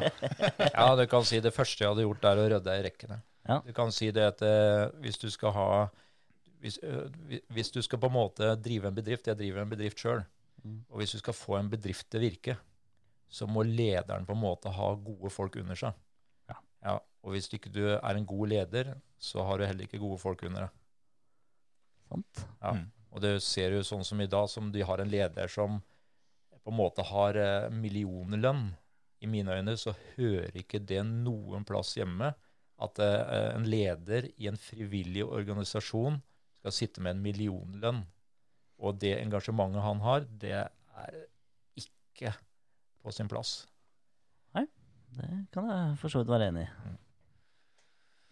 Så eh, når du hadde, hadde vært ferdig med å tømme noen kontor, hva, hva, hadde du, eh, hva hadde du satt fokuset på da, hvis du, hvis du hadde vært eh, kaptein på skuta? Da måtte du bygge opp de kontorene av folk som faktisk er glad i sporten, som ville bygd opp sporten for utøveren og ikke for sin egen interesse. Mm. Det har vært fokuset. Det blir det samme som jeg skal ha en, i jobben min. Jeg ansetter ikke en som ikke gidder å jobbe, jeg ansetter en som faktisk har lidenskap for filmen mitt. Ja, ja, absolutt. Det er jo derfor alle begynner med dette, i hvert fall. Så er det jo ikke alle som nødvendigvis eh, beholder den der lidenskapen hele veien. Det er jo noe som heter det at, eh, at motorsport er en, eh, kall det en sykdom du aldri blir kvitt. Du, du kan ta pause som utøver alt sammen, men eh, det er en interesse og en glød da, som skal sitte der lenge. Ja, I mine øyne så er det som å være narkoman. For jeg holdt på å si, jeg, jeg slutta i ti år, ja, så skulle ungene bare ha meg med én gang på Lyngå, så da kjørte jeg jo ti nye. ikke sant? Så jeg torde jo ikke å gå på billøp når jeg hadde slutta. Da var det jo ti nye, da. Ja. Nei, det, det er jo, jeg tror jeg har nevnt i en tidligere episode at vi, at vi hadde tenkt å, um, å spandere comeback på mamma. Og så, og så fikk han nyss i det, og da sa de at videoet virkelig så vondt. Så, ja, men, ja, men du veit jo at det hadde blitt gøy. Ja, det er akkurat det som er problemet. Så. Ja, det er det. Er for moro. Ja, det er, så den gangen skjønte jeg ikke helt hva jeg mente, men eh, jeg skjønner det nå. Ja. Så jeg, er det der, altså. vi har vel begge hatt uh, noen års pause, Emil, og nå er vi, nå er vi inne i det igjen. Jo men, jo, men da ser du litt av det der eh, som, som jeg dreiv med med junior rallycross, ikke sant? Og, og ungene dine, da. Ja. Fordi du, får ut eh, det er, jo, det er jo derfor det blir så gærent i den sporten nå. For at det, det er jo ikke ungene som vil det de driver med i rallycross junior. og sånn. Nei, det, er, det er jo foreldrene, det er jo vi som er stein gærne. Ja. Det er jo vi som kjøper og putter på det og presterer. kan si. Det er som jeg sa til eh, jentene mine, at jeg, jeg brukte 17 år jeg, før, før, før jeg klarte å få min første medalje. I dag så forventer jeg at de skal klare en, jeg sier tre-fire, da, maks. Mm. Så skal det NM-medalje. Mm. Det er jo helt spesielt. Ja, så Vi jeg jo tro det med, med, med den juniorcupen òg, at uh, det var vel ikke nødvendigvis ungene som uh, sådde det første frøet når det gjaldt det at vi må ha en mye sjukere bil. Det er oss. Det kommer gjerne fra generasjonen over. Ja. Men det, det var som jeg snakka med Kim Steinsholt i stad. Og liksom, vi vi snakka akkurat litt om det her Rallycross Junior. Som jeg, eh, for vi har jo en liten sak med seksjonen på det løpet som var nå, i forhold til Rallycross Junior. Ja. Og da sier jo Kim at til og med jeg klarte å kjøpe en billig bil til Ole Henry når han kjørte junior. Ja. Og han til og med klarte å kjøpe, kjøpe en møkkabil for å ikke ødelegge den klassen. Og han har egentlig ressurser til å kunne kjøpt seg den verste bilen, antageligvis. Ja, Og har gjort det mange ganger sjøl òg. Ja. Men han ville ikke gjøre det for at det ikke det skulle ødelegges. Nei, det er, det er et godt poeng, det. Og siden han sa det sjøl, så kan jeg poengtere det når, når til og med Kim klarer det. Ja, men det var, det var derfor jeg og Kim prata om det. Liksom, han sa det sjøl. Når til og med jeg klarer det. Ja, da burde Da det være håp. håp altså, Ja. for alle. det er et godt poeng. Men apropos eh, Vi kommer helt sikkert litt tilbake på dette sporet her, men du kom jo litt inn på din, eh, din egen karriere. For det mm, Jeg husker ikke Eller det er jo på en måte naturlig at jeg ikke husker det, men jeg veit ikke helt når du begynte. Men jeg husker i hvert fall at uh, jeg var veldig en li, veldig liten tass uh, som satt i førstesvingen på Hannevollbanen og så på at du kom bort et, ei lita stund før de andre. når, du, når du kjørte bilcross der på første halvdel av 90-tallet. Ja, vi kjørte mye. Jeg begynte i 1986 begynte jeg å kjøre. Mm. Da var jeg fem år gammel, så det, det, gir, det gir mening, det. da. Ja. Det Nei, det var gøy, det. Det var mye vi hadde Det, det er jo derfor du på en måte jobber Eller det er jo skal man si på godt og vondt, da. Det, det er noen ganger du er, ikke er alltid stolt av det du gjør og krangler om, men du har så kjærlighet for det du har drevet med, og hva sporten har gitt deg, Mm. at du, du føler deg urettferdig når at du skal slåss mot overmakten hele tida. At Mm. ikke de vil det som du vil, eller sporten vil. da. Jeg tenkte på etter hvert eh, som jeg ble litt eldre og begynte å skjønne litt mer sjøl og sånt òg, så en tanke som slo meg litt, er at det, det sa du var så vidt sjøl, at eh, du har, du har krangla med NBF siden du ble født. Men det med å, å i hvert fall si fra da, mot, eh, mot dem som styrte showet, det, det var du ikke fremmed for den gangen når du kjørte sjøl heller, eh, på en del førermøter og litt sånne ting. Så, så hendte det jo ofte det at du, eh, du hadde litt meninger der òg. Ja, og det er jo ikke alltid kanskje Det er noen ganger jeg skal ha tenkt før jeg prater, for å si det sånn. Så det jeg er ikke alltid like stolt av det i etterkant. Det er nok sånn. Men er det, eh, er det noe du eh, har reflektert litt over nå, som, som på en måte gjør at du har engasjert deg på den måten som du gjør i dag? Nei, la oss si det sånn eh, jeg, jeg hadde jo egentlig tenkt å legge opp, for å si det så slutte. Men mm. for minstemann var ikke interessert i billøp. Nei. Men så fant han plutselig den interessen. Og så, siden ikke vi fikk lov til å, å drive med rallycross junior som vi hadde lyst til å drive med, da, Ja. Eh, så tenkte jeg at ok, Grenland har eh, 4,5 millioner i gjeld. Ja. Eh, det, den skuta det er en utfordring som eh, Den båten ligger veldig på huet, for å si det sånn. Ja. Det er litt av en jobb å snu den. Og da vil jeg heller Engasjere deg Ja. den veien, ja. få en utfordring på andre sida. Mm. Ja, for det, jeg har fått med meg nå den sommeren her og sånn, at du, du, du har virkelig slått uh, et slag for, eh, for alle dugnadstimene som folk ikke, ikke ser blir lagt ned. Og da, da så jeg òg et innlegg du skrev hvor, hvor du poengterte det at eh, etter alle åra som aktiv fører, hvor, hvor du sikkert som andre fører eh, ofte forventa at eh, alle var på jobb for deg, mens du nå kanskje er på andre sida og prøver å minne førere på at de må tenke seg litt om på, på alt som ligger bak. Og det, det er vel noe av det jeg skammer meg mest over noen ganger. Tror jeg, at, jeg, at, jeg, ja, som du sa, du hørte meg på føremøtene. Ja. For uh, alt det som faktisk ligger bak for at vi skal få lov til å leke på en bilbane. Ikke sant? Hadde, hadde visst det. Jeg sa, sa egentlig til Vera en gang at det, det burde vært obligatorisk at alle som tok lisens, skulle være med å arrangere tre løp før de fikk lov å kjøre. Da hadde du hatt en annen respekt for funksjonæren, altså. Ja, det er det ingen tvil om. Det gjelder jo veldig mye, veldig mye rart, men eh, kanskje spesielt motorsporten har jo, har jo alle år eh, vært tufta på dugnaden. Så um, jeg vet ikke, har du tenkt mye på det, Emil, når du har vimsa rundt Norge og Europa og kjørt? Nei, men jeg har, eh, jeg har nok vært ganske snill fører, sånn sett, da. Eh, Stort sett vært blid og fornøyd, bare fått lov å kjøre, egentlig. Vi kunne ikke vært i samme klasse, vi, da, med andre ord. Nei, Ut på banen kanskje noe annet, men eh, på, på depot så var jeg ganske grei å ha med å gjøre.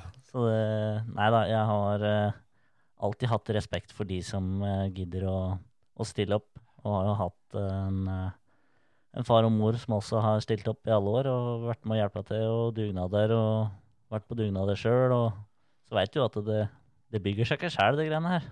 Nei.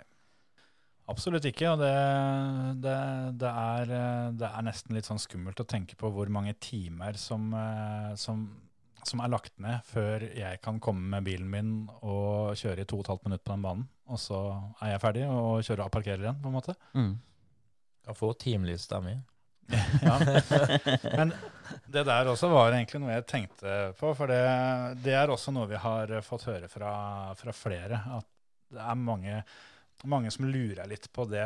Hvor, hvor mange timer har eh, døgnet til den Vål-slekta? Det kan jo ikke være bare 24. Nei, noe så det, øh, det er noen ganger kjerringa ikke er helt fornøyd, for hun, hun tror ikke hun er gift. Det, men øh, nei, det er nok Vi jobber nok mye. Men du kan si det, det henger litt i sammen. Skal du drive med den idretten vi driver med, så må du jobbe døgnet rundt. Jeg har ikke råd til å drive med det. Og det, det er derfor jeg unnskylder noen ganger de aktive for å være med på dugnad òg. For hvis de skal drive med sporten sin, så må de jobbe ræva av seg for å ha råd til det. Og da må de jobbe mye. Eh, Og da, før så var det jo du kan si Når vi kjørte på 80-tallet, da hadde jo med deg fem-seks som bare hang med som syntes det her var gøy. Nå må du nesten kjøpe med deg en hvis du skal få med deg én mann. Ja. Ja. Ja, det har endra seg litt. Ja, nei, jeg husker bilcross, bilcrossløpet som jeg var med på sommerfestivalen. Så fikk jeg med meg en, en gjeng med kamerater, og dem måtte jeg lure til meg med, med flott leilighet på campingplassen og pølser og mat hver dag og øl. og Det, det var greit. Ja. Vi, har, eh, vi kan ta et spørsmål fra han til deg etterpå, men vi har, fått, eh, vi har tatt en liten prat med mm, en du har kjørt mot før, eh, Andreas Bakerud. Ja. Han kommer med en liten sidebemerkning hvor han, eh, han skriver det at eh, dere må få fram i podkasten det at Even Wold og firmaene han jobber med, har gjort for rallycrossen. Det er helt utrolig. Og eh, han skriver også at han tror ikke at, at mange skjønner hvor mange timer Vål-gutta jobber i døgnet. Det er nemlig ikke få, og de jobber triple skift, mens vi dødelige prøver å jobbe et par timer overtid. Det, det er nok sånn. Men uh, det er som jeg sier, at uh, kjerringa skjønner ikke hvorfor jeg ikke kan ha noen på kontoret. Ja. Og Jeg sier, men da tjener jeg ikke så mye penger, da. så jeg må gjøre alle jobbene sjøl. Men jeg kan si alle ledd du kan spare på, det bedre går det, ikke sant? Ja, det Du kan sant. ikke ha en stor administrasjon, det koster penger. Mm. Og det er der vi alltid har tjent penger, at vi jobber vanvittig mye fordi vi har en sport som koster vanvittig mye. Mm. Og da får jeg det til. Og både når Tom levde og Vi syntes bilsport var veldig gøy, og derfor involverte vi oss veldig i, bilsport. Samtidig som det ga oss veldig god markedsføring. For, eh, Ja. for kan si, alle de vi jobba mot, det er jo, er jo i det miljøet. Ja. Det var jo en periode, det er vel kanskje sånn eh, til dels enda, men det var, eh, det var vanskelig å dra på et rallycrossløp uten å se Tom Wall AS på de fleste bilene, egentlig. Dere var ganske tungt inne der.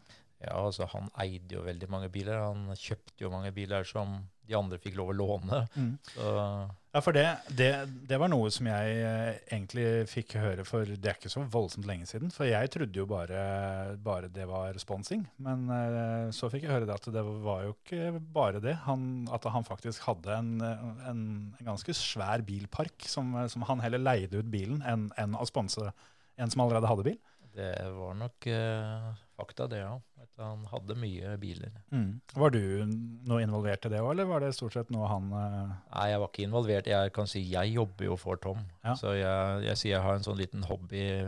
Maskin og asfalt er hobbyen min, bare. Ja. Så en litt sånn stor hobby. ja. Men den uh, jobben har jeg på sida av den andre jobben. Ja. Men alle de bilene, er det, er det noe dere eier enda, eller? Nei. Og etter Tom gikk bort, så har redusert veldig på det. Ja. Så nå er veldig aktiviteten mye lavere. Nå guttene har jo på en måte tatt seg av filma og styrer det. Mm. Så de, kjø de har begynt å kjøre litt rann igjen nå. Da, og kjørte litt rally. Men eh, Ja. rolig. Jeg kjørte vel eh, faktisk mot Alexander på, på Flesbergsprinten før eh, i vinter. Ja, det stemmer. Mange i slekta er det som har hatt kjøredressen på? Har, du- har du oversikten? Nei, jeg har ikke helt oversikt, men vi hadde jo mora vår inne i bilen en stund òg. Ja. Og så hadde jeg kjerringa jeg fikk en der inne, men hun fikk jeg fort ut igjen, for det ble bare dyrt. Så hun havna rett i elva i Hakkavika så nå har du lagt opp. Så det, så det, ja, det Hun klarte jo ikke å komme rundt mer enn to svinger rett i elva. Nei da, hun var litt mer altså, men uh, igjen i heatet der så gikk det i elva, da, Da var du ferdig. da var du ferdig. Det er jo eh, Jeg tror ikke hun er første, første som fant ut at, eh, at det var over eh, i, i den elva der. Denne, den der, der Hakkavekk-elva har knekt, eh, knekt mange en bilcrosskarriere, den, tror jeg. Det var jo, sånn som jeg husker i hvert fall, nå var jo ikke jeg så gamle karen, men uh, det var jo forholdsvis uh, godt nivå på satsinga allerede i bilcrossen, mener jeg å huske. At det, det blei gjort skikkelig den gangen òg. Jeg husker det starta egentlig litt sånn at uh, Per A. Jørgensen kom med et sidebass. En sånn tysk eksosanlegg til folkevogn. Ja. Og så lurte man om ikke, for jeg var jo sveiser, han lurte på om ikke jeg kunne lage et sånt eksosanlegg. da. Ja. Og det kopierte jeg, så jeg laga det Svendsen Eksos husker jeg, i Skien. Han laga alle de stussene og alt sånt for meg. Da sto jeg altså Jeg husker etter hvis jeg jobba 24 timer, så klarte jeg å lage 20 stykker. Alle de pengene bygde jeg bil for, ikke sant. Så Øyvind, eh, Øyvind laga jo bilene for oss, Øyvind Hansen. Ja, Så han var jo den raceren de bygger motor her. ja. ja. Og så laga vi karosseriene. Ja. Og der kan si, Det der baseanlegget det finansierte kjøringa mi i mange år. Til slutt så orka jeg ikke. Nei, det, det Ja, jeg husker det greiene der sånn, at det, det var populært det med de, der, de anlegga der. Ja, at, eh, Vi har solgt så mange av de at eh, Men du kan si det var mange som fikk mye bra bilcrossbiler. For det var jo billig den gangen, men vi kjøpte jo, bygde jo biler til to- nei, det er 20 000-30 000 hver gang. vet. Ja, Og den gangen så fikk du 6000 igjen for dem, eller noe sånt? Ja. Det var jo Men åssen var nivået på bilene der nå kontra nå som alle mener at det har tatt helt av? Ja, det var nok uh, hvis, du, hvis du ser i forhold til hva du tjente den gangen, så Mm. tror jeg vi lå godt oppå. Ja. Det var jo 2,2 liter med gira kasser og doble gasser her. Altså det var jo samme greiene da, men vi var jo veldig tidlig ute med det. Mm. Uh, Ja, for det, det er jo en, eh, en bilcross-diskusjon som er like gammel som bilcrossen. Det at eh, nå, nå er det noen som putter for mye i det, og nå, nå er sporten snart ødelagt. Det er jo den samme diskusjonen som har vært eh, siden 80-tallet, men eh, det er kanskje ikke så noe særlig bedre nå. Det var, det var kanskje til og med verre før. ja, jeg tror nok vi er på samme linje, men jeg prøvde jo også å fremme det for Bilsportforbundet, for jeg, vi var jo i Danmark og kjørte. Og jeg mener at de burde tenkt to alternativ. En eh, standardklasse og en modifisert klasse. Og det ble jo prøvd, så vidt. Okay. Vi hadde jo superbilcrossen, eh, Ja. men det var vel kanskje en sesong, eller kanskje to.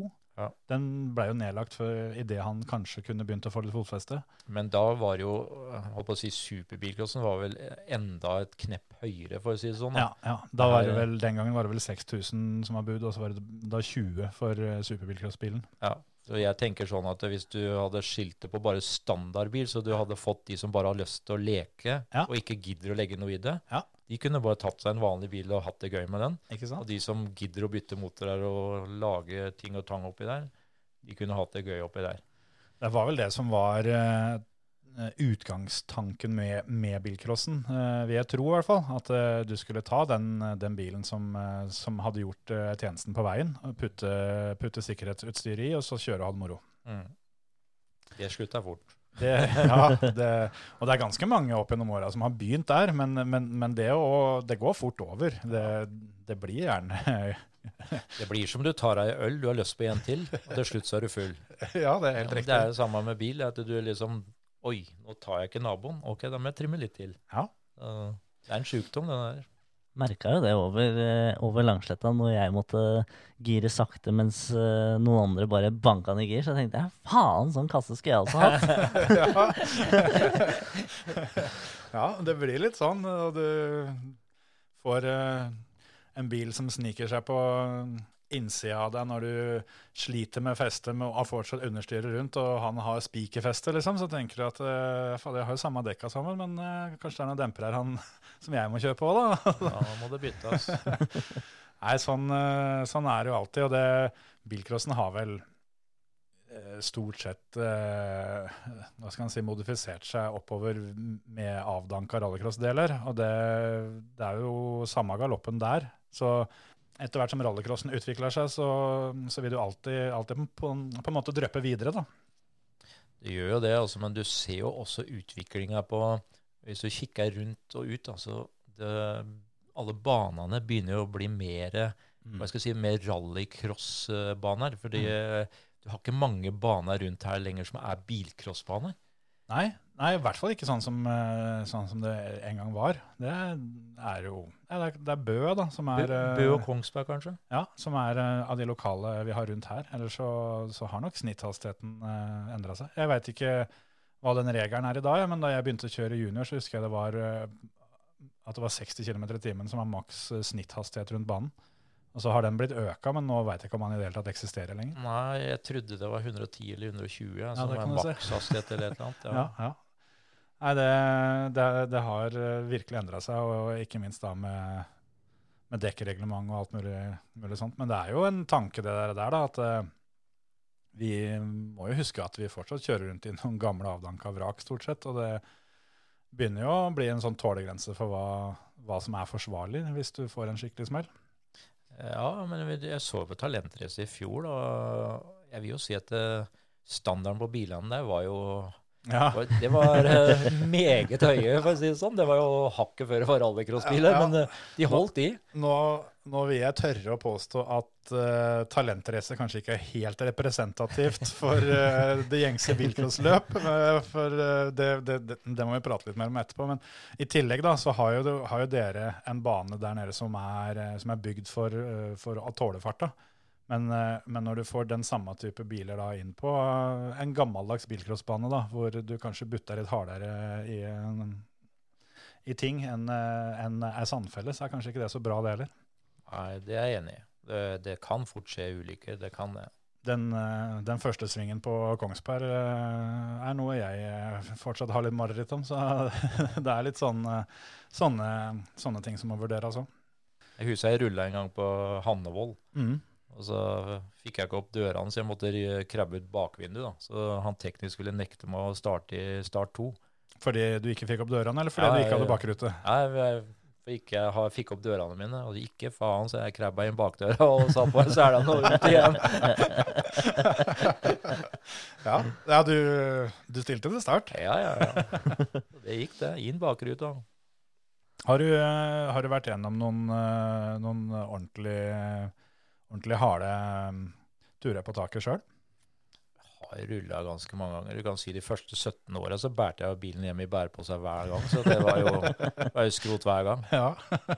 Uh, det gikk, begynte egentlig ikke å gå bra før jeg kom inn i en forhjulstrekk. Jeg kjørte jo Masta i rallycross mange år, og ja, det, det gikk ikke bra.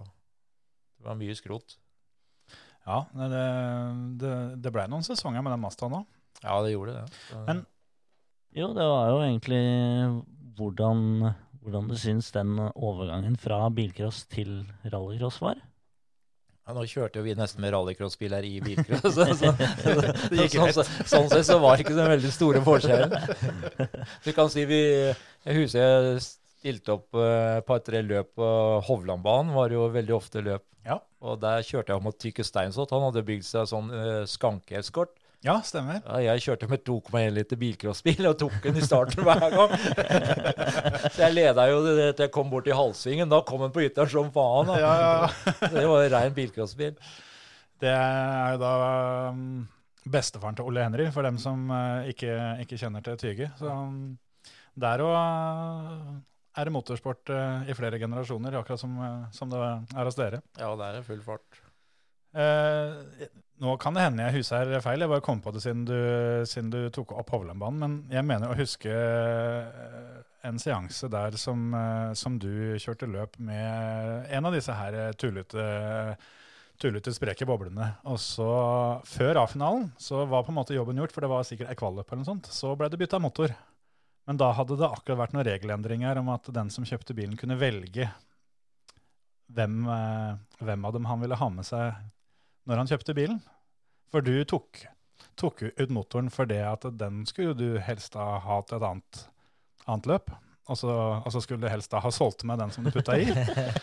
Er det noe, er det noe du husker, eller? Nei, det er ikke alltid vi i huset. Det er noe du må prøve å glemme òg.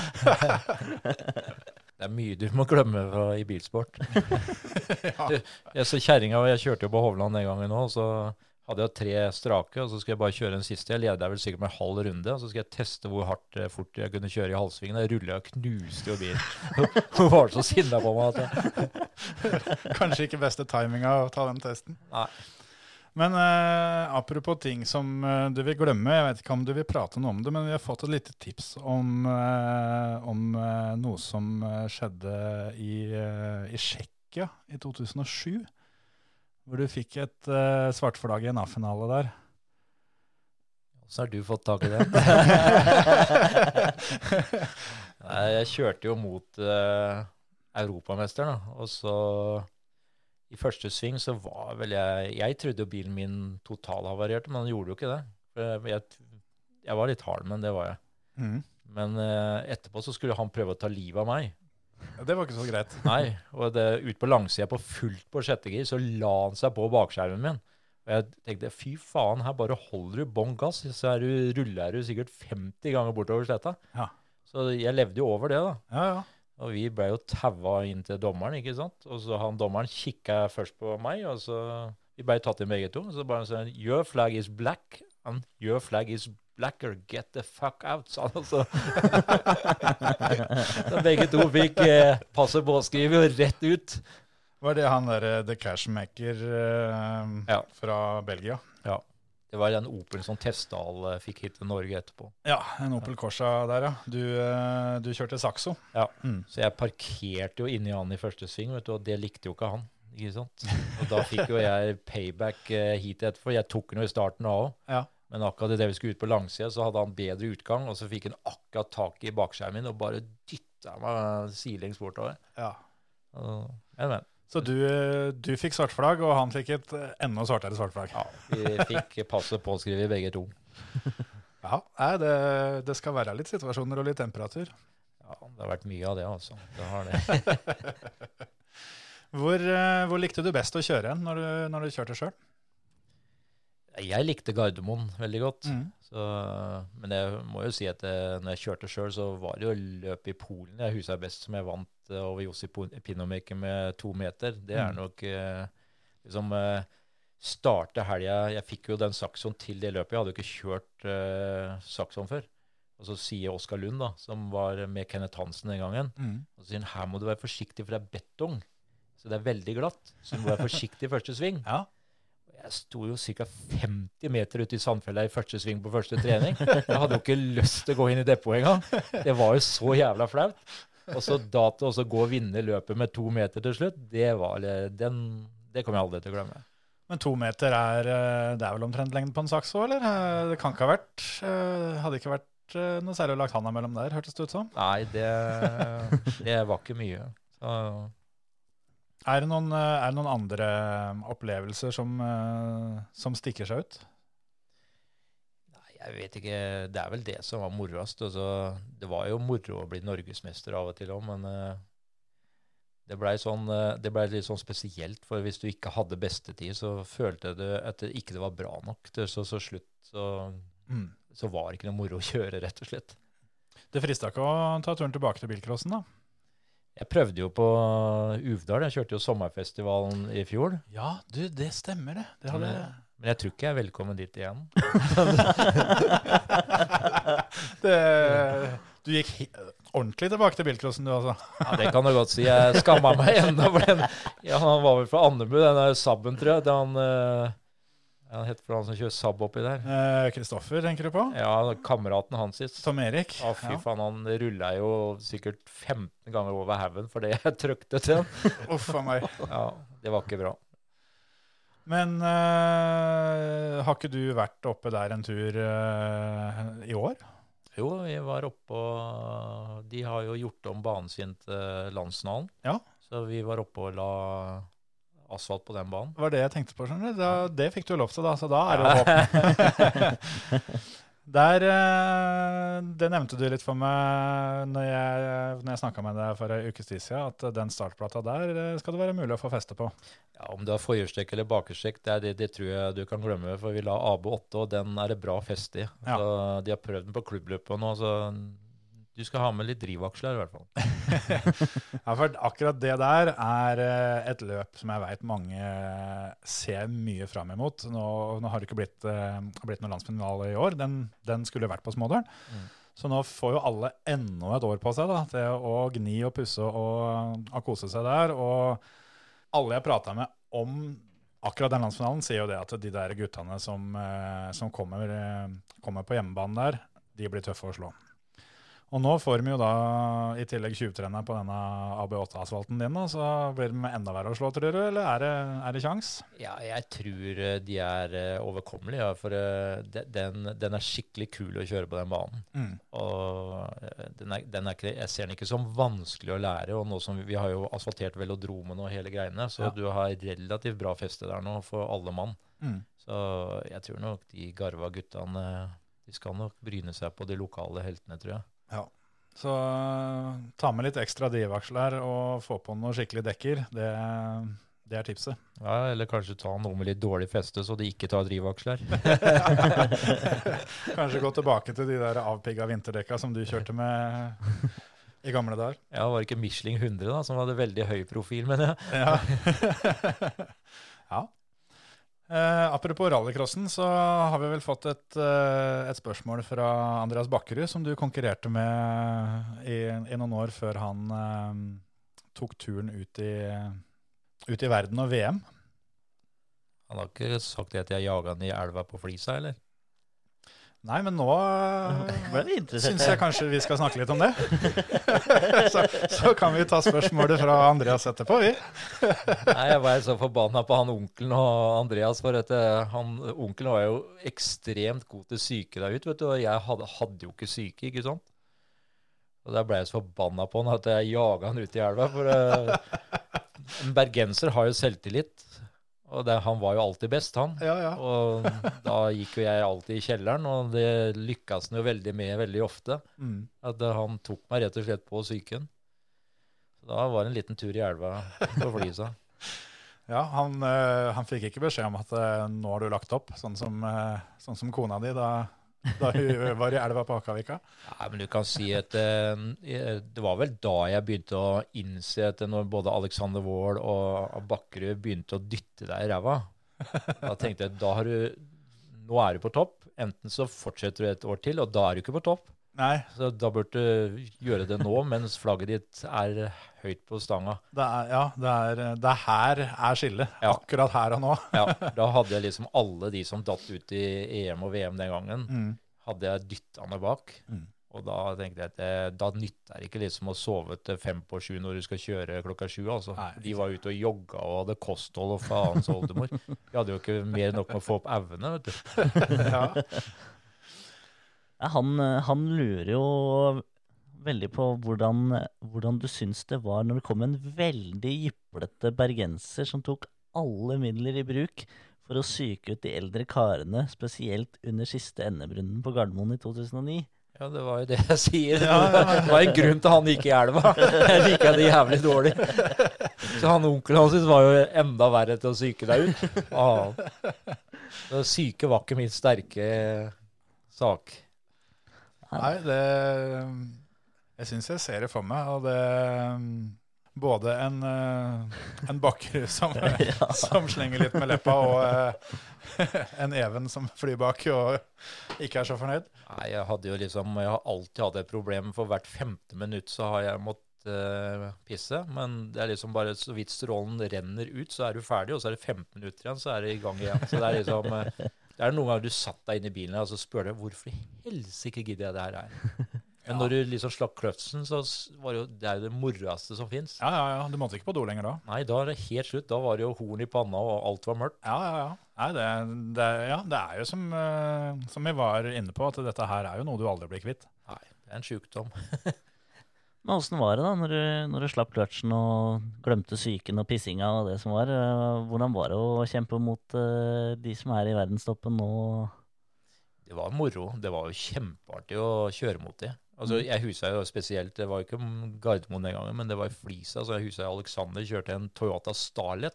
Og jeg kjørte jo Saxon, så jeg hadde jo den verste Super 1600. Og den Starleten var jo, ja, for å si det litt pent, en møkkabil. Og jeg så den her jævla møkka Starleten i speilen hele tida. Han kjørte jo som om omtrent skulle hvelve, vet du, for å holde følge. Men det var jo moro, da. Det, vi hadde veldig mye gøy. Det høres ut som det har vært eh, veldig mye moro opp igjennom. Ja, det var det. Det var vel eh, en god del av de som du, eh, du fighta hardest med på tampen av din egen karriere, da, som, eh, som har kommet seg ganske opp og fram eh, i åra etterpå. Eh, er du litt glad når du ser tilbake på det at du, at du hoppa da du gjorde det, istedenfor å på en måte stå i veien for dem eh, et par sesonger til? Eller tror du det hadde løst seg sjøl at de hadde funnet veien forbi? Det hadde de veldig fort gjort, og det var derfor jeg på en måte slutta. For jeg skjønte jo hvor veien gikk. Ja. Det, også, men det som gjorde at jeg faktisk la opp, det var jo at det, som jeg sa, det, når du kjører og har bestetid, og fortsatt ikke er glad for at du har bestetid, da kan du bare slutte. For da har du Ja. ikke motivasjon. Nei. Og det, det, det, var ikke, det var vel mer derfor jeg slutta. Mm. Men nå eh, er du tilbake med begge beina, bare i litt eh, andre roller. Du har jo hatt noen år eh, hvor du har fulgt opp ungene dine, da. Ja, ja, begge jentene har jo kjørt. Mm. Så Og nå er det minstemann som, som kjører, er det ikke det? Jo, nå er faktisk han dratt fram rattet. Da. Han har jo aldri hatt interesse, så jeg har jo vært Altså, jeg laga unger og unger og unger og skulle ha den gutten først, for jeg skulle ha gutt til å kjøre billøp. Men jeg fikk, men jeg fikk jo guttejente, da, så hun, hun har jo kjørt billøp. Ja, ja. Det var jo ikke den gutten, men så fikk jeg den gutten til slutt. Men han eh, ikke, han var jo ikke interessert i bil, Nei. så det var jo helt feil. Men nå er han jo plutselig blitt interessert i bil. altså... Jeg skjønner ikke, som jeg sier, at du kan umulig være en Wall, for jeg har ingen Wall som er så rolig i huet som det du er. Det, han er ikke nervøs og ikke kjører han på noen og liksom holder seg på banen og kjører fort. Det er jo helt uvanlig. Ja, kanskje det, kanskje det er på en måte evolusjonen som, eh, som har, eh, som har tatt, eh, tatt de beste sidene fra, fra Vål, og så har han fått eh, dette rolig fra et annet sted, da, kanskje? Så, Ja, Kjerringa sier at han ligna på henne, da, så ja, ja, kanskje vi er inne på noe? Men jeg sier at du var aldri så god til å kjøre, for du kjørte bare i elva. Ja, ikke sant? Og så er, nå er vel eh, Nå er du jo ganske engasjert òg med eh, Inne på arrangørsida òg, da, eh, som vi åpna med litt i dag. Og én ting eh, som da skjer neste helg, om ei drøy uke når denne episoden kommer ut, er jo da, eh, er jo da talentrace.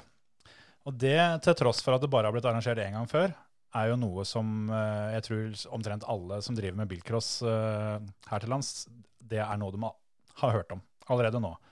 Det er det mange som har blitt imponert over, hva, hva dere har fått til der på såpass eh, kort tid. For det, det, det tar gjerne noen år å bygge opp et, eh, et såkalt statusløp. da.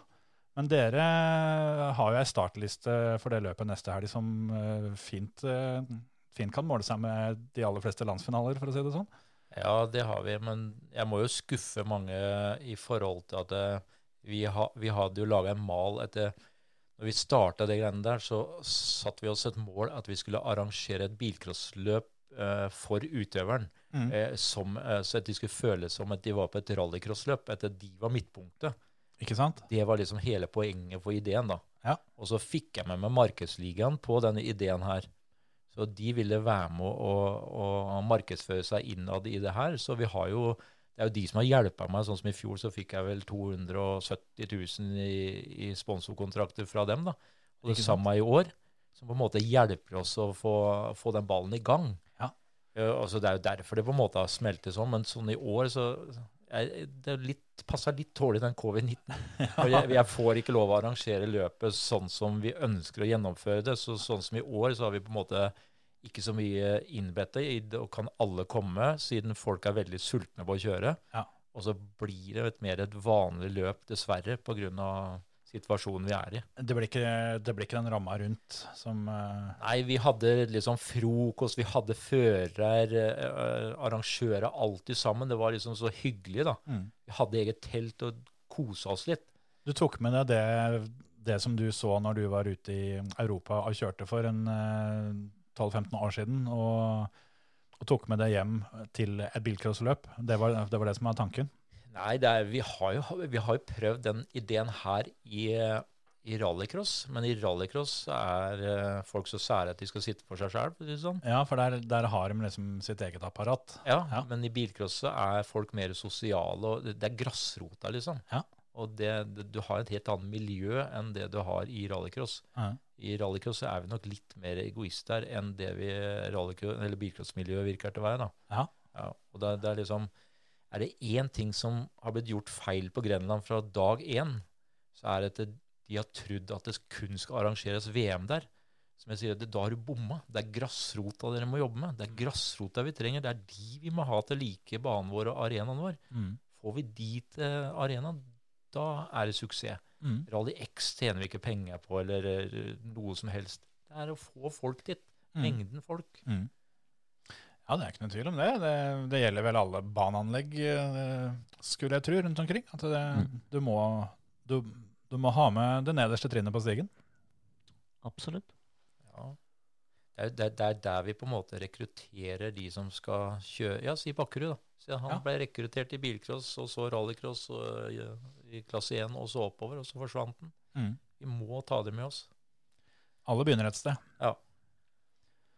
Men hva er, eh, hva er tanken for, eh, for talentrace hvis vi ser framover? Da? Det, er vel, det er jo ingen som veit åssen 2021 blir, men eh, hvis vi, hvis vi tenker oss når, når ting er tilbake sånn som, sånn som det skal være, er det, er det sånn som det var i fjor? Er, det- er du i mål, føler du, eller skal du bygge dette enda, enda mer opp og fram?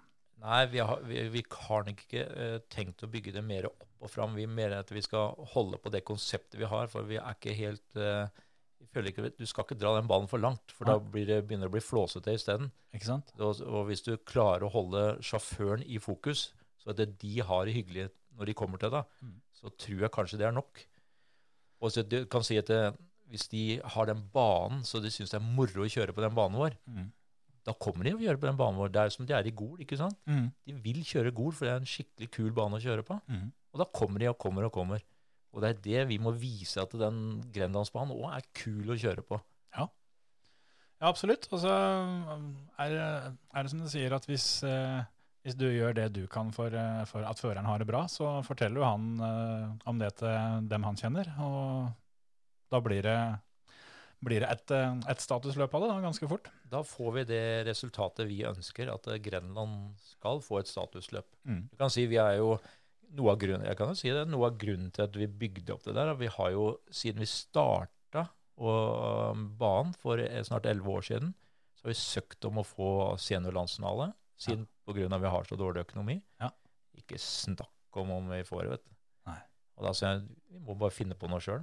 Vi må bare finne på noe sjøl som kan generere at vi kan klare å leve over. Så kan vi bare ta kroken på døra, og banen er nedlagt, og det er jo ingen tjent med.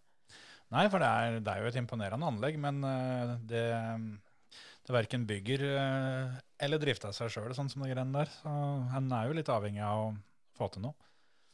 Ja, du er veldig avhengig av å få til noe. For det, du kan si Mange folk tror at eh, alle klubber har penger til å, og alt mulig. Men de har, det er ikke sånn verden er. Men åssen eh, ser du for deg framtida på, um, fremtiden på Grenland Motorsportsenter nå, da? Eh, Som du sa, da du kom inn der, så var det 4,5 millioner EL, og det så litt mørkt ut. Men eh, det høres jo ut som dere eh, er i ferd med å, å, å få her eh, denne skuta opp igjen, da. Ja, Vi hadde jo intens jobb i fjor og klarte å snu på en del av det da. Ja. Og, og som jeg, jeg har satt et mål i huet mitt at vi skal klare det her i løpet av tre år. Ja. Så Det er målsetningen min. Ja. At vi skal klare å snu det. Også mitt sterke ønske det er at eh, NMK Grenland skal bli et, eh, en arena for alle klubber i hele Vestfold. Mm. Og, og da, men vi har ikke lyst til å invitere andre klubber inn i klubben før eh, vi er på null. Så at alle kan starte på blanke ark. Ja, Så det, ja, og ikke på en måte krangle om uh, hvem som skal betale gjelda. Ja. Ja. Og hvis jeg kan eh, invitere en klubb inn og si at eh, her har vi banen, har du lyst til å være med og leke hos meg? Ja. Uh, Og så hvis vi kan få mange nok klubber da, så blir vi enda sterkere, og vi blir mange som kan være på dugnad, og mange som kan arrangere løp. Ja. Og da kan vi få det mye moroere. Ja, helt klart. Det, for det er jo uh, ikke til å stikke under en stol at uh, den gangen du kjørte bilcross, så var det en god del flere baner i uh, området rundt her. Det er ikke så mange igjen nå. Nei, vi har én bane, liksom, og den må vi ivareta, syns jeg. Ja. Og vi ser jo, vi ser jo sjøl at alle klubbene Jeg var jo sjøl kjørt for NMK Larvik, ikke sant. Mm. Vi hadde jo Hovland og var veldig aktive. I dag så er jo NRK Larvik lite aktive. Mm. Og sammen, ikke bare Larvik, men alle klubber. Mm. Men det er jo kanskje fordi de ikke har noe eget eh, tilhørighet til noe, da. Det er ikke noe samlingspunkt. Nei, og så kan du si vi tulla jo der og med kommunen. De nekta oss hele tida å bygge bane, ikke sant. Mm. Så fikk jo ikke de det, gitt. Nei, det, det er jo en prosess som jeg tipper mange, mange der ute kjenner seg igjen i.